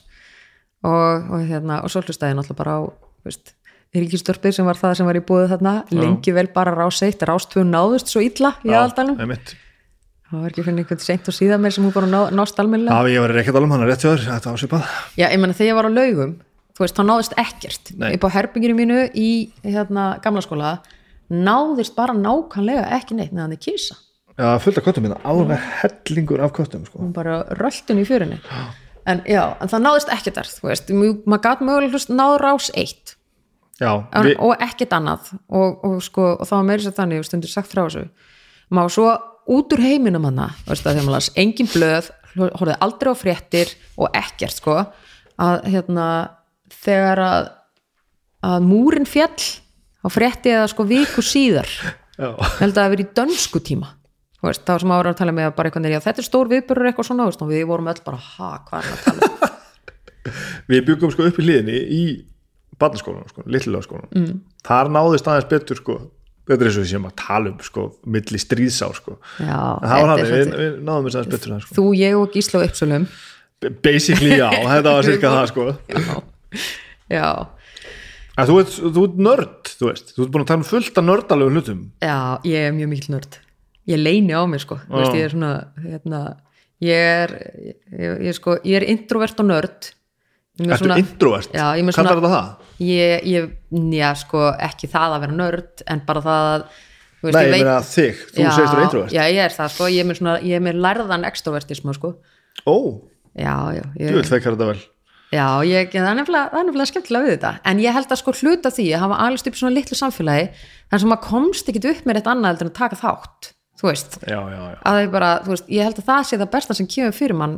Sko, veist, ég, sko, ef ég hefði verið einhverstaðar í Stórborg og bara einhvern veginn geta týnst það hefði ég örgulega gert það, sko, ég skil var þig. maður bara, þú veist, maður bara þú veist, ég var bara að læra á hljóðfæri og setja upp leikrit og hérna, sko ég, þú veist æfa allar íþróttagreinar og þú veist, fara út að spila fótbolta með strákonum og þú veist, allt þetta, þetta var bara einhvern veginn þú veist, þú bara tókst þátt í samfélaginu og það var ekkert annað í bóði og, og hérna, það, ég held að það sé alveg, sko, þú veist, fyrir fólk með þessa tendens að það er bara bestan sem þú getur eiginlega fengið, það er bara einhver sem bara tóa þér út. En, en hérna, ég er með mjög nördalega áhuga mjög mörgum hlutum, sko, þú veist. Og svona, og get dottið í að bóra mig ofan í eitthvað bara skrýtna hluti, ég sé eitthvað það bara, já þetta er áhugavert. Og svo er ég bara farin og það er eitthvað svona kaninuhóliu sko, þú veist. Bara, eins og einhvern tíma fekk ég rosalega áhuga sull, sulli þú veist, sjúkdónum já. Og bara búin Sullaveiki? já, var bara búin að lesa bara allt sem ég náði um sullaveiki þú veist, og bara sko síðustu tilfellin á Íslandi og eitthvað og maður er bara svona, já ég smaldur nú þarfst að fara að finna þér eitthvað að gera veist, Og í einhvern tilgangi að gera eitthvað við þetta nei, bara alls ekki bara þetta var aðna Skemmtilegt. Já, Svona, svona sagfræði feelingselement eða eitthvað svoleiðis já, ég til dæmis ég meina, sko veist, ég á til að fara og, ég meina, íslensk erðagreining hefur verið með svona eh, fyrirlestra um alls konar, þú veist, svona einhverja gena tengda rannsóknir og einhverja mannfræði og svona, veist, sem ég finnst rosa áhugavert. Þetta er eitthvað sem ég skána að horfa á, sko. Já, já ég bara sko, greiningar á beinum á skriðuklaustri eða eitthvað, sko, þú veist, ég bara mér finnst það mjög spennandi. Veist, það er búið að grafa upp hérna garðin bak við, við stjórnaráðið Mhm. Þú veist, ég er bara verið bara please, má ég fara að nút með skeið sko? Þú veist, mér veist bara ég veist ég myndi borga fyrir að fá að taka þátt í svona uppgristri sko. Viðskipta hugmynd já, En hvað, ertu þá, þú veist, ertu svona eins og, eins og ég verið ekki um tíðina að, þú veist, að synda móti megiströnnum eða? já, ég er náttúrulega með mótróð þrjóskuröskun og lokastíði sko. Þú veist, Ég er svona aðeins að reyna að, sveigja þetta meira inn á megiströnnum stundum, stundum núna, því ég stundum bara að missa af að því ég er bara þrjóskur, sko. já ég er mitt, ég er alveg ég hef alveg tekið stundum þetta þú veist að mitt, maður þarf bara að vera með. Maður getur ekki bara alltaf verið einhvern veginn að skrýtnast sko, Nei, maður verður að vera með í samfélaginu. Allt til að vera gaggrínin en maður þarf svona stundum líka að pæli hvað að kannski einhver ástæð fyrir eitthvað er vinsælt, sko. Já, já, ég alveg, þú veist, ég hoppa alveg á, sko, þú veist, einhverja tónlist sem að til dæmis fólki finnst almennt skemmtileg og svona, en ég þarf að setja mér stellingar, þú veist, ég er í svona smá kontrollfrík, sko, þannig að í partíum og svona, þá finnst mér betra stjórn tónlistinni. En ég þarf samt, sko, ég átta mig alveg á því að minn tónlistasmekkur er venjulega ekki svona mainstream tónlistasmekkur fólk sem er að fá sér í glas og, og hittast, þú Já, veist, ég bara Já, við erum á sama stað með þetta. Ég... já, ég geti ég, En samt viltu stjórna tónlistinni? Já, það er bara, þú veist, að því að ég er samfærum það að ég geti spila aðeins skárri mainstream tónlist heldur en fólk almennt það er líka það, þú veist að ég er ekki bara, ég veist, ég líka pínu besservisser svo ég viðkynna það og svo er hérna og svo náttúrulega bara hlusta ég á veist, alls konar, ég til þess fatta það í gær því ég var eitthvað að skoða, ég var náttúrulega, fór náttúrulega að tjekka því, ok, ég er að fara að tala við Snæbjörn og hvað er hann búin að gera? Og svo fatta ég það, já, þú varst í innvortis ég var lengi með, hérna diskin Reykjavík er ömurlega í, í bílum hjá mér. Já, ok. Og hlustaði mjög ofta á þetta lag hann að veturinn 2012 það var bara einhvern veginn, þú veist, akkurat þetta lag Aha. það var bara eitthvað við það sem að gerði þetta gott stundu því ég var að keira og fundu eitthvað, þá var þetta bara akkurat lagið sem ég þurfti til þess að kom mér í gýrin þetta er mótróa, Já. mótróa merki. já, þannig að já En þetta, þetta er nú til dæmis eitthvað sem þú finnur ekki nema á leitir aðeins sko. Nei, kann, kannski ekki Nördin kemur aðeins upp í þér að, að þú ert eitthvað að leita að einhverju sem að þú lætur ekkert mata þess að. Nei, sannilega ekki sko. Ég er nú svo sem ekki hugsaði það þannig en nei, ég, ég þarf sko þú veist, ef einhver segir eitthvað, þá er ég mjög líklega að fara til þess að fara að reyna að finna frumheimildina. Þú veist, ég, það getur ekki einhver sagt eitthvað á Twitter sem bara þetta er svona, ég er alltaf bara er það, sagði það nákvæmlega þetta? Þú veist, ég er mjög líklega til þess að fara að finna frumheimildina finna, þú veist, greinina eða viðtalið eða ræðuna eða eitthvað og horfa á það. Þú veist, bara þannig að ég bara ok, hann hafði rétt fyrir sér eða nei, þetta er fullkomið vitleysa. Og er þetta, er þetta alveg fyrir þér? Ángrar þetta þá út búin að er stundum já. Það getur alveg gert sko. Þú veist og ég er bara ef einhver segir til mig bara rannsóknir segja og ég er bara hvaða rannsóknir? Hvaða, hvaða nákvæmlega, hvað er þessi rannsókn? Þú veist, ég veist ég þarf bara að vita þetta. Veist það er ekki þannig að ég þarf að muna þetta að eilum en ég þarf bara að vita það, veist, er þetta rétt eða ránt Já, það er nú samt, já, kannski er ég bara líkur til þess að að þess. þetta er bara fullkomlega mjög- þetta er fullkomlega ég, ég finnst þetta mjög ég, þetta kemur svolítið inn á það sem við erum að tala um stjórnmálu láðan þegar einhver bendir á eitthvað sem að er auglastlega einhvern veginn Mhm. sem er alveg hafið við skoðum og fólk á hverju að horfa framhjá því þá er ég alveg vittlu sko. Mhm. og samanskap er ég alveg til í að um hvað er þetta að tala hvaða, hérna, hvaða rannsóknir segir Mhm. Hver síndi fram á? Bara eins og þetta sem var að tala um einhvern veginn áðan sko, veist, bara, já, þetta var bara einhverju blaði. Ok, hvaða blaði, Já, hvaða fjölmiðl sagði þetta? einmitt. ok, varstu bara að lesa þetta bara einhverjum grínmiðli þú veist, ég menna, come on. En þetta er það sem ég er svolítið reyna að innræta krökkunum mínum, sko, þú veist. Ekki taka hlutum bara, þú veist eins og þeir eru, þú veist, skoðu þetta sjálf. Mhm. þú veist, ekki ekki nota Twitter til dæmis sem sko, þú veist, uppsprettu upplýsinga. Nei, það er nei. ekki góður staður, það er oft góður staður til að byrja á, sko, þú veist, þú sérð alls konar hlutiðar sem þú myndir en ella ekki rekast á, en ekki taka allt trúanlegt sem þú sérð, en samt sem að sko, ekki samt vera þannig að þú sérst bara þegar þú ert komið eitthvað í hendurnar sem þú hlýtur að geta metið, sko. Þú veist, ekki, ekki vera típan sem að segja, sko, jafnvel þegar það eru margir sérfræðingar búin að fara um málið og margir búin að rannsaka það í grunninn og setja fram lærðar greinar um og svo framveg, sko, veist, ekki vera típan sem erst samt bara alveg, nei, þú veist reyndu einhvern veginn að að, að setja því það, þær stellingar að, að sko, veist, það sé til fólk að núti sem mögulega geti haft rétt fyrir sér þangað til að, þú veist, annað kemur ljós. Veist, ekki vera bara nei alltaf. Það er einhver, einhver tög í mér sem finnst bara undarlegt að þetta fungeri að sé hægt að vera þessi sem, þessi sem segir nei þegar það er búið að sína fram eitthvað annað. Já, ég meina, þú veist, ég veit ekki mér stundum segja maður þetta sé svona svo valkvæð heimska, þú veist Já. þú bara ákveður að vera heimskur þú veist, af því að, hérna veist, og það verður ábygglega einhver brjálæður ef maður segir það sko, af því að, þú veist allir hafa rétt á sínu skoðunum eitthvað, jú, þeir hafa rétt á skoðunum, en þú veist samt sem að þú getur eitthvað ekki farið gegnum umræðu með því að bara berja haustnum við steinin, Mhm. þú veist. Ef einhver kemur og segir þér sko, þú veist, meina, það er ennþá til fólk sem heldur að jörðin sé flöt. Já, þú veist meina sem er, er snargalið Já. Ma- margt af þessu fólki sem til dæmis er aðeins til þess að pöngast í okkur sko kannski og uh, sömur náttúrulega bara til að vera pöngarar og aðri sem svona uh, vil ekki bara, vil ekki vita betur og ætla bara ekki að vita betur sko mm. uh, ég er hrættast við fólki sem er bara svona er bara ósamála til þess að vera ósamála sko mm. sem er nákvæmlega þetta þegar þú bara þessi valkvæða heimska mm. af því þá er, finnst mér, sko driving force hjá þér er bara að vera á móti mér. -hmm. og þá verð ég alveg brjálar, alveg sko. Já. Ég meina það er náttúrulega tilfyllt af fólki sem er veginn þrýfst ekki nema að það sé með sko andstæða póla. Þú veist það bara þrýfst ekki nema þú veist það sé með sko þú veist einhvers konar kalt stríð í gangi þú veist.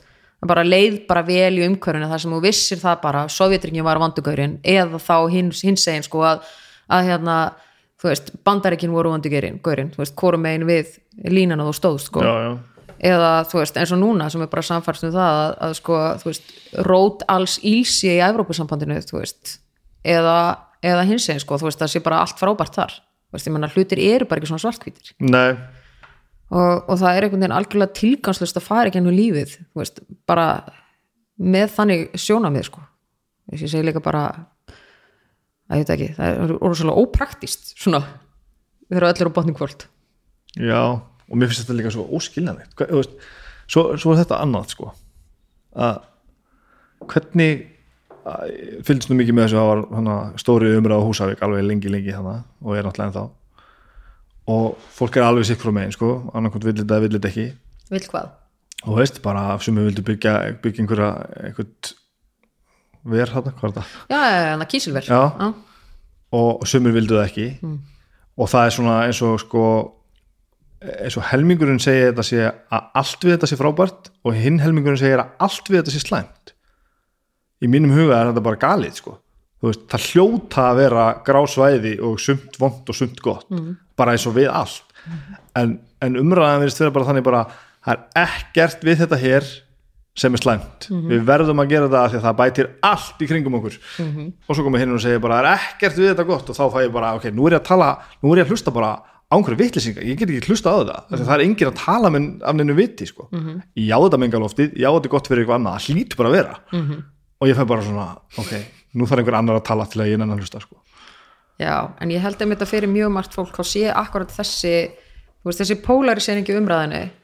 sé bara hluta á ástæðu fyrir því að fólk nennir ekkit inn í hana. Þú já, veist, hún það er nennir ekki- nákvæmlega það sko. hún nennir ekki, sko, þú veist, ég til dæmis tek mjög sjaldan þátt í svona umræðum á samfélagsmiðlum eða eitthvað, því ég bara veist, lífið er bara stutt til að rífast einhvern sem ég þekki ekki á einhverju samfélagsmiðlum. Um eitthvað sem við munum aldrei vera sammála. Ég meina einstakar sinnum er það þannig að maður bara manni ofbyður svo geðvikslega að maður bara verður að fara inn sérstaklega þegar maður kannski var á staðinum þekkir sko staðarendin máls og það getur enginn sem er þarna úti þekktar betur. Þú veist, að það er bara öðru hverju koma upp svoleiðis algjör jáðardæm og þá er maður bara svona ok, ég ætla að láta mig hafa þetta þú veist, en, en hérna almennt ekki sko. Þú veist, að að úst, þess vegna er líka samt sem er rosalega slæmt, verða til þessi bergmálshellar á samfélagsmiðlum.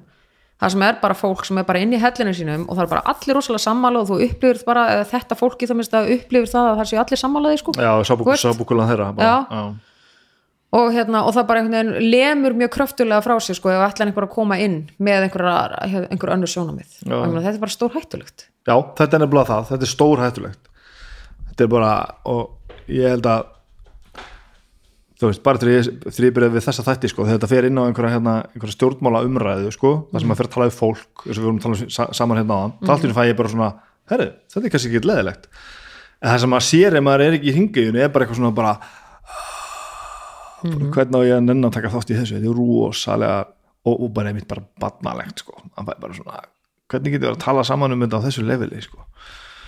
Ég veit ekki, ég er bara þetta er bara svo stundum sko, fólk er bara tól tali á austur og vestur. Þetta er svona svo að horfir á sko hérna, óundibúna fyrirspurnir eða eitthvað í þinginu þú veist, það er Já. bara, kemur einhver upp með eitthvað agenda, þú veist, hann fær ekki svör við því, þú veist, og þá er bara einhvern veginn þú veist, þetta er tilgangslega sko, þú veist, að því að fólk er bara þú veist, það sem eru að tala um mætist aldrei. Já, þú meina það, já, já, já. meira heldur en að, að því að ég upplifu svolítið bara þetta sem þú tala um áðan að það verða að vera óvinnur það, þú verður að vera ósamála sko. Já, stundum er það þannig, ég meina stundum ertu bara að peka fætt til þess að einhvern veginn að vera leiðilegur. Annarkvort, ég meina lítur stundum á það sem hlutverk fólk lítur þannig á það að hlutverk stjórnarnarstöðunar sé bara að vera í því. Veist, einhvern veginn að reyna að peka þá til að finna einhvern veik, veikleika og, og svona og vera aðhald á eitthvað sem það er að vissu leiti en ég meina stundum er þetta bara einhvern veginn þannig að manni finnst það bara að vera svona, þú veist, eitthvað eitthvað þvaður um keisanaskjag sko, þú veist. Já, já.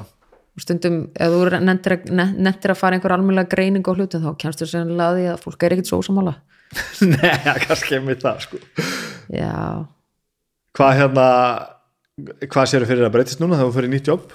Er þetta annar vinnutími eða eru þessi álag eða verður lífið allt allt öðruvísi? Ég veit ekki. Ég er bara, eins og, eins og ég sagði sko, þú veist að bara ég á svolítið eftir að koma að staði hvernig þetta verður. En, en ég hef auðvitað verið í vinnu þar sem ég hef ekki stjórna vinnutímum mínum mjög mikið sjálf í mjög langan tíma.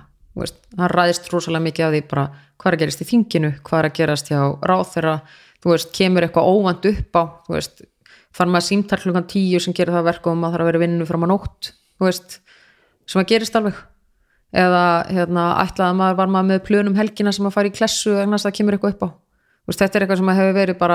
er svolítið, þú veist, lífið í mjög mörg ár.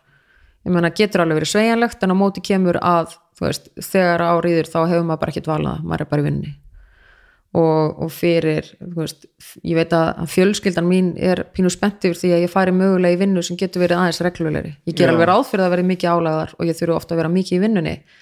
En, en hérna en mögulega aðeins reglulegra heldur en þetta það er ekkit, það er ekkit sko það kannski, ég menna fjölmjöla með þekka þetta, eða gís einhverstaðar eða springur ríkistjórn eða þú veist eitthvað, þú veist, þá bara einhvern veginn þá gengur það framar öllu. Já, já, þú veist, þá þarfstu bara að vera á staðinum og flytja fréttinnar og það er ekkert hægt að gera þetta á þriðudaginn sko, þú veist, þá er þetta bara farið. nákvæmlega, nákvæmlega. að, að hérna, fjölskyldan í það minnst að bindur ákvæmum vonur við það að þetta verði örlítið reglulegra, þó ekki annað. Og heldur að þú fá, úst, hefur friði í beinunum til þess, að, til þess að gera það Já, ég held það alveg sko. Veist, ég, ég, ég verði allan að prófa það. Veist, ég meina ég meina, ég hef alveg hugsað það stundur sko, veist, kannski bara maður bara búin að eyðileggja sjálfan sig fyrir lífstíð með að vera í, svona vinnu, bæði að vinna á fjölmjölum og svo í pólitík, þar sem maður er ekki með alveg eðlilega vinnutíma og þetta er ekki venjuleg vinna, þetta er veist, þetta er einhvern veginn þannig að sko, maður veit að maður á að gera í vinnunni en maður samt er einhvern veginn að hugsa og fletta eitthvað upp og skrifa hjá sér og, og þú veist, ringi eitthvað sem maður á að gera ringi á sunnudegi og eitthvað svona já, einmitt, einmitt, einmitt. þannig að, hérna, ég veit ekki, ég, ég held að ég sé samt líka svolítið þannig að ég þarf bara að vera í vinnu sem að er svolítið áhuga málum mitt líka. Og, og þegar að það er þannig þá, þá er manni aðeins meira sama þegar þetta einhvern veginn, sko, þú veist maður, maður er ekki 9-5, þú veist, þetta flýtur yfir dagana manni. En, en ég samt gerir mér alveg grein fyrir því að það er bara hægt á því að maður sko brennu upp þú veist, maður margir sem hafa að díla við það að- að enda í einhverju kulnun og svona á einhverjum álagstörfum og ég held að, að maður þurfi að taka það arfalega og, og svona passa þessu upp á hausin á sér. Mm þú veist að því að ég fann aðeins fyrir því og þú veist að því ég hef nú venlega verið þannig að ég bara haldi gleðinni í því sem maður er að gera og svona. En maður finnur það svona aðeins sko og ég hef fundið að, að, að hérna, það hafa komið tímar þar sem maður hefur svona þurft að hafa meira fyrir að haldi hana þegar er mikið álægi vinnu og og, og, og, verkefnin eru mjög þung. Og, og hérna og þess vegna held ég að það sé líka stundu gott að skipta um gýr sko. Já, bara fara að gera eitthvað annað hreinlega. Já, já, gera eitthvað aðeins öðruvísi og, líka svo að maður sko, þú veist, brenn ekki upp gagvart þessum verkefnum að því að, að því að þú veist, mögulega hef ég einhvern veginn áhugaði að vinna við eitthvað þessu líkt aftur í einhverju formi. Já, ég skil ekki og þá vil ég ekki vera búin að drepa nestan þú veist, ég meina það sko, það er gaman að vera með þessar bakteríu, sko, veist, það er gaman að vera með svona, fá fýring í magan þegar að er eitthvað að gerast og, og ég meina hvort sem það er að fjölmjöla þyringurinn sem gerir vart við sig eða sko, hérna, pólitíski áhugin að, að hérna að, þú veist, það er bara þetta að, að sko, verða spenntir yfir hlutum. Mér finnst það svo útgeðslega mikilvægt. Já, skemmtilegt. Já, bara svona, ah, þú veist fíla það þegar það er eitthvað í loftinu. En þú ekkert með eitthvað svona hvað ætlar að vera þetta stór? Nei, ég er ekki alveg nógu góð í því. Nei, það verður bara að segjast þú þessu ert bara að hafa gaman að þessu að gera það er bara, og Sko, hafa, bara já. að passjónu séð það. Já, sko, ég hef bara verið svo ótrúlega heppin að mér finnst venjulega mjög gaman í vinnunni, þú veist. Ég veit alveg, sko, þegar ég komin eitthvað svona, einhver svona þreytæma og allt það, en ég, sko, þú veist, ég hef alltaf gengið einhvern veginn í endurnýjun lífdaga, alveg þannig til ég hef sagt stopp og farið eitthvað. og er það að því að vinna en svo skemmtileg eða að því þú ert svo góð í að, að finnast hún skemmtileg? Ég held að þessi hvort tvekja þú veist, mér, veist, mér finnst það bara að vera þannig og það er eitthvað svona sem ég tek frá þú veist, sko, þú veist, ég var að vinna hjá pappa. Pappi var uh, stundur svona þú veist, að verkstýra mér og eitthvað því að- hann, ég vann bara í einhverju svona landsvirkjun, hjá landsvirkjun sko, í virkuninni og þú veist, ég menna það var ekki eins og maður alltaf að gera veist, hluti sem að voru mjög inspírandi, þú veist, ég var kannski bara heil, heilan dag að slá tún sko, þú veist, Já, á. Farmal Cup, þú veist, 48 eða eitthvað. Og, og hérna, eða mála hús. Ég málaði hús í nokkur sumur sko. Þú veist, sem er bara þú, veist, þú ert allan daginn kannski bara að mála hvítan flöt. Og, og þú veist og þá var einhvern veginn það sem að þú veist, ég tók úr, með mér úr þerri vinnu var það, þú veist, pappi var alltaf einhvern veginn svona þú veist, sko, ef þú vinnur vinnuna vel þá er hún skemmtileg. Þú veist, það er miklu skemmtilegra að vinna verk vel heldur en gera það illa. Þannig að þú veist, ég hafði svona ekkert sérstaklega spennandi verk gátu bara orðið þólanlega að maður skila þeim vel af sér.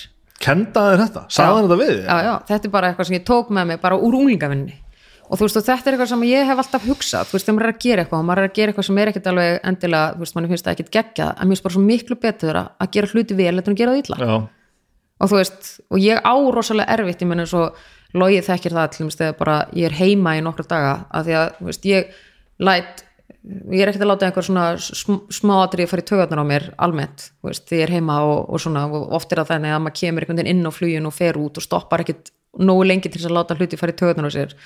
En yðurlega því ég er búin að heim í svona þrjá daga þá þarf ég að breyta einhverju, þú veist. Byrja ykkur heima já, Já. þú veist, þá veit hann það bara til dæmis að þú veist, ég, fyrir, ég fann að hugsa leiði til að besta einhver rými.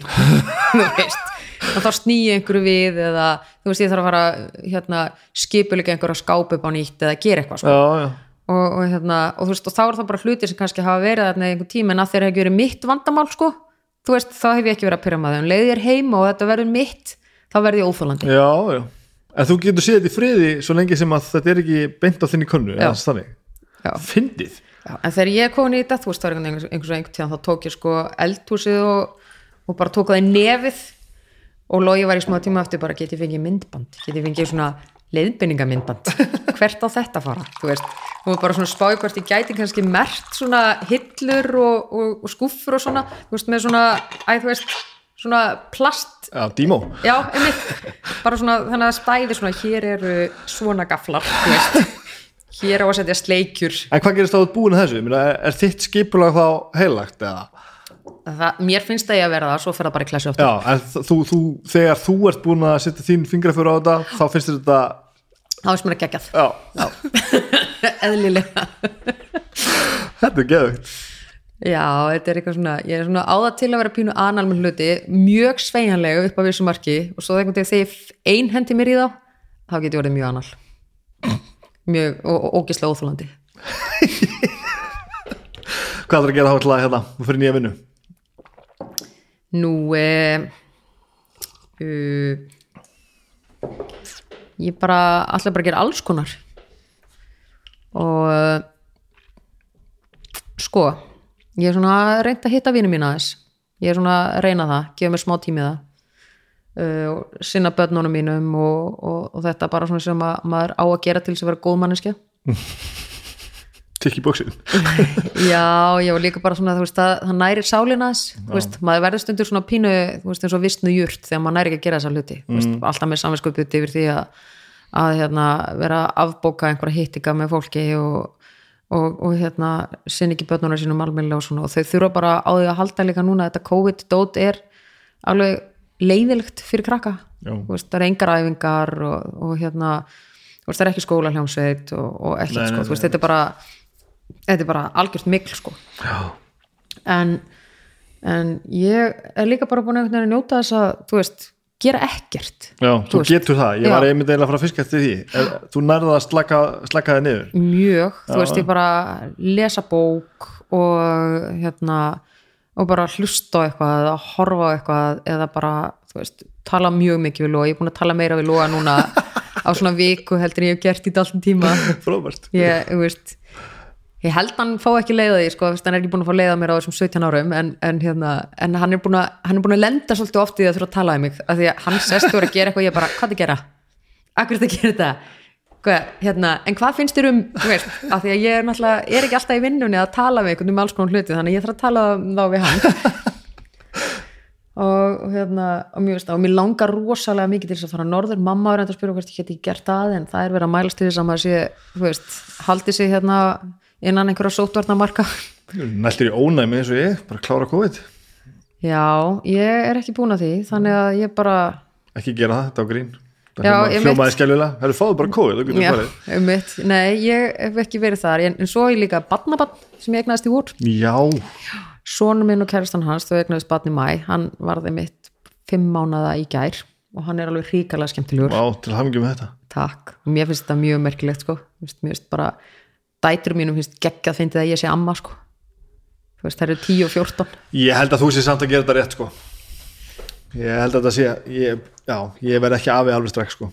Nei. Ég, þú sko, mér finnst svolítið gaman að vera þetta ung amma sko, af því að þú veist ég geti að það verið svona amma cool vona ég. Þú heldur allavega veist, og það sem er sko frábært er það að ég var mjög ung þegar ég egnaðist hérna, frumburðu minn, stráki minn sem á þennan dreng. Og svo egnaðist ég annar bara tíu árum setna og enn eitt fjórum árum setna og svo er náttúrulega stelpunar að slóa líka sem að veist, og, og með því að vera með svona mikið að krökkum á þessum aldri, yngri maður, ég held að þau haldi manni ungum sko, Já, þú veist, þau halda manni við bara, þú veist, með alls konar hluti þú veist, hvort sem það er að, hérna, tónlist eða já, bara, Eða- já, meina það. eða, eða þú veist, sjónvarsefni eða bara eitthvað sko, alls konar svona menningarströymar sem að, sem að myndi svo auðveldlega að fara fram hjá manni annars. Já, þú veist, ég til að mér hlustaði mjög mikið á rapp á tímabili eða bara því að svona minn var alltaf að hlusta það ég bara gerði ógeðslega mikið grína þess og kallaði þetta heila blóðfalls tónlistina sko, sem að þetta mjög skrítið amerískt rapp og svo bara datti inn í þetta sjálf. Já, já, já, og fannst það geggjað. Og hérna, ég, mér finnst það það er, mér finnst það skipta ógeðslega miklu máli einhvern veginn að að svona, þú veist ekki bara vera fastur í því að hlusta það sem maður hlustaði þegar maður var sko sjálfur tvítur Nei, nei, en þú nú líka kannski það sem varst að lýsa, þú, þú nördiði náttúrulega gerir, opnar þessar leiði líka. Þú ert til í að gefa hinnu séns. Já, já, mér finnst bara, bara mjög gaman að garfa og hlusta á ný, nýja hluti og svona, þú veist, þegar ég þarf að einbytta mér þá hlusta ég á 80s tónlista því ég heyri hann ekki. Ég nota hana sem teppi. Svona vamp bara já, undir.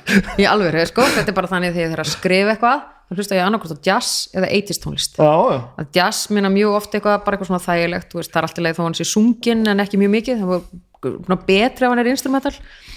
En hérna, en, en þú veist, það er eitthvað við eitlistónlist sem maður er búin að heyra 800 miljón þúsund sinna, það skiptir engum máli hvað er að gerast í henni, ég heyr ekki neitt. Þú tikkar ekki í neinar heila stöðar. Nei, þetta, en þetta býr til svona, þú veist, og sérstaklega vera, ef ég hef þurft að vera að skrifa eitthvað, maður er að skrifa ræður eða einbytt sér einhvern texta í yfirlistar og svona, þá er þetta náttúrulega alveg golden, sko. frábært. Ég held okkur að tekist þetta, Já, ekki? tala mjög lengi saman. Já, um alls konar. Já, það er bara að tala passlega lengi saman. Já, já mér finnst það mjög merkilegt. Það bara, en það er gaman. Það er mjög gaman, sko. Það er stundu gaman að tala um alls konar. Það er skemmtilegast að tala um alls konar. Já, það getur verið. Takk fyrir að tala um mig sömu leðis, kæra þakkir.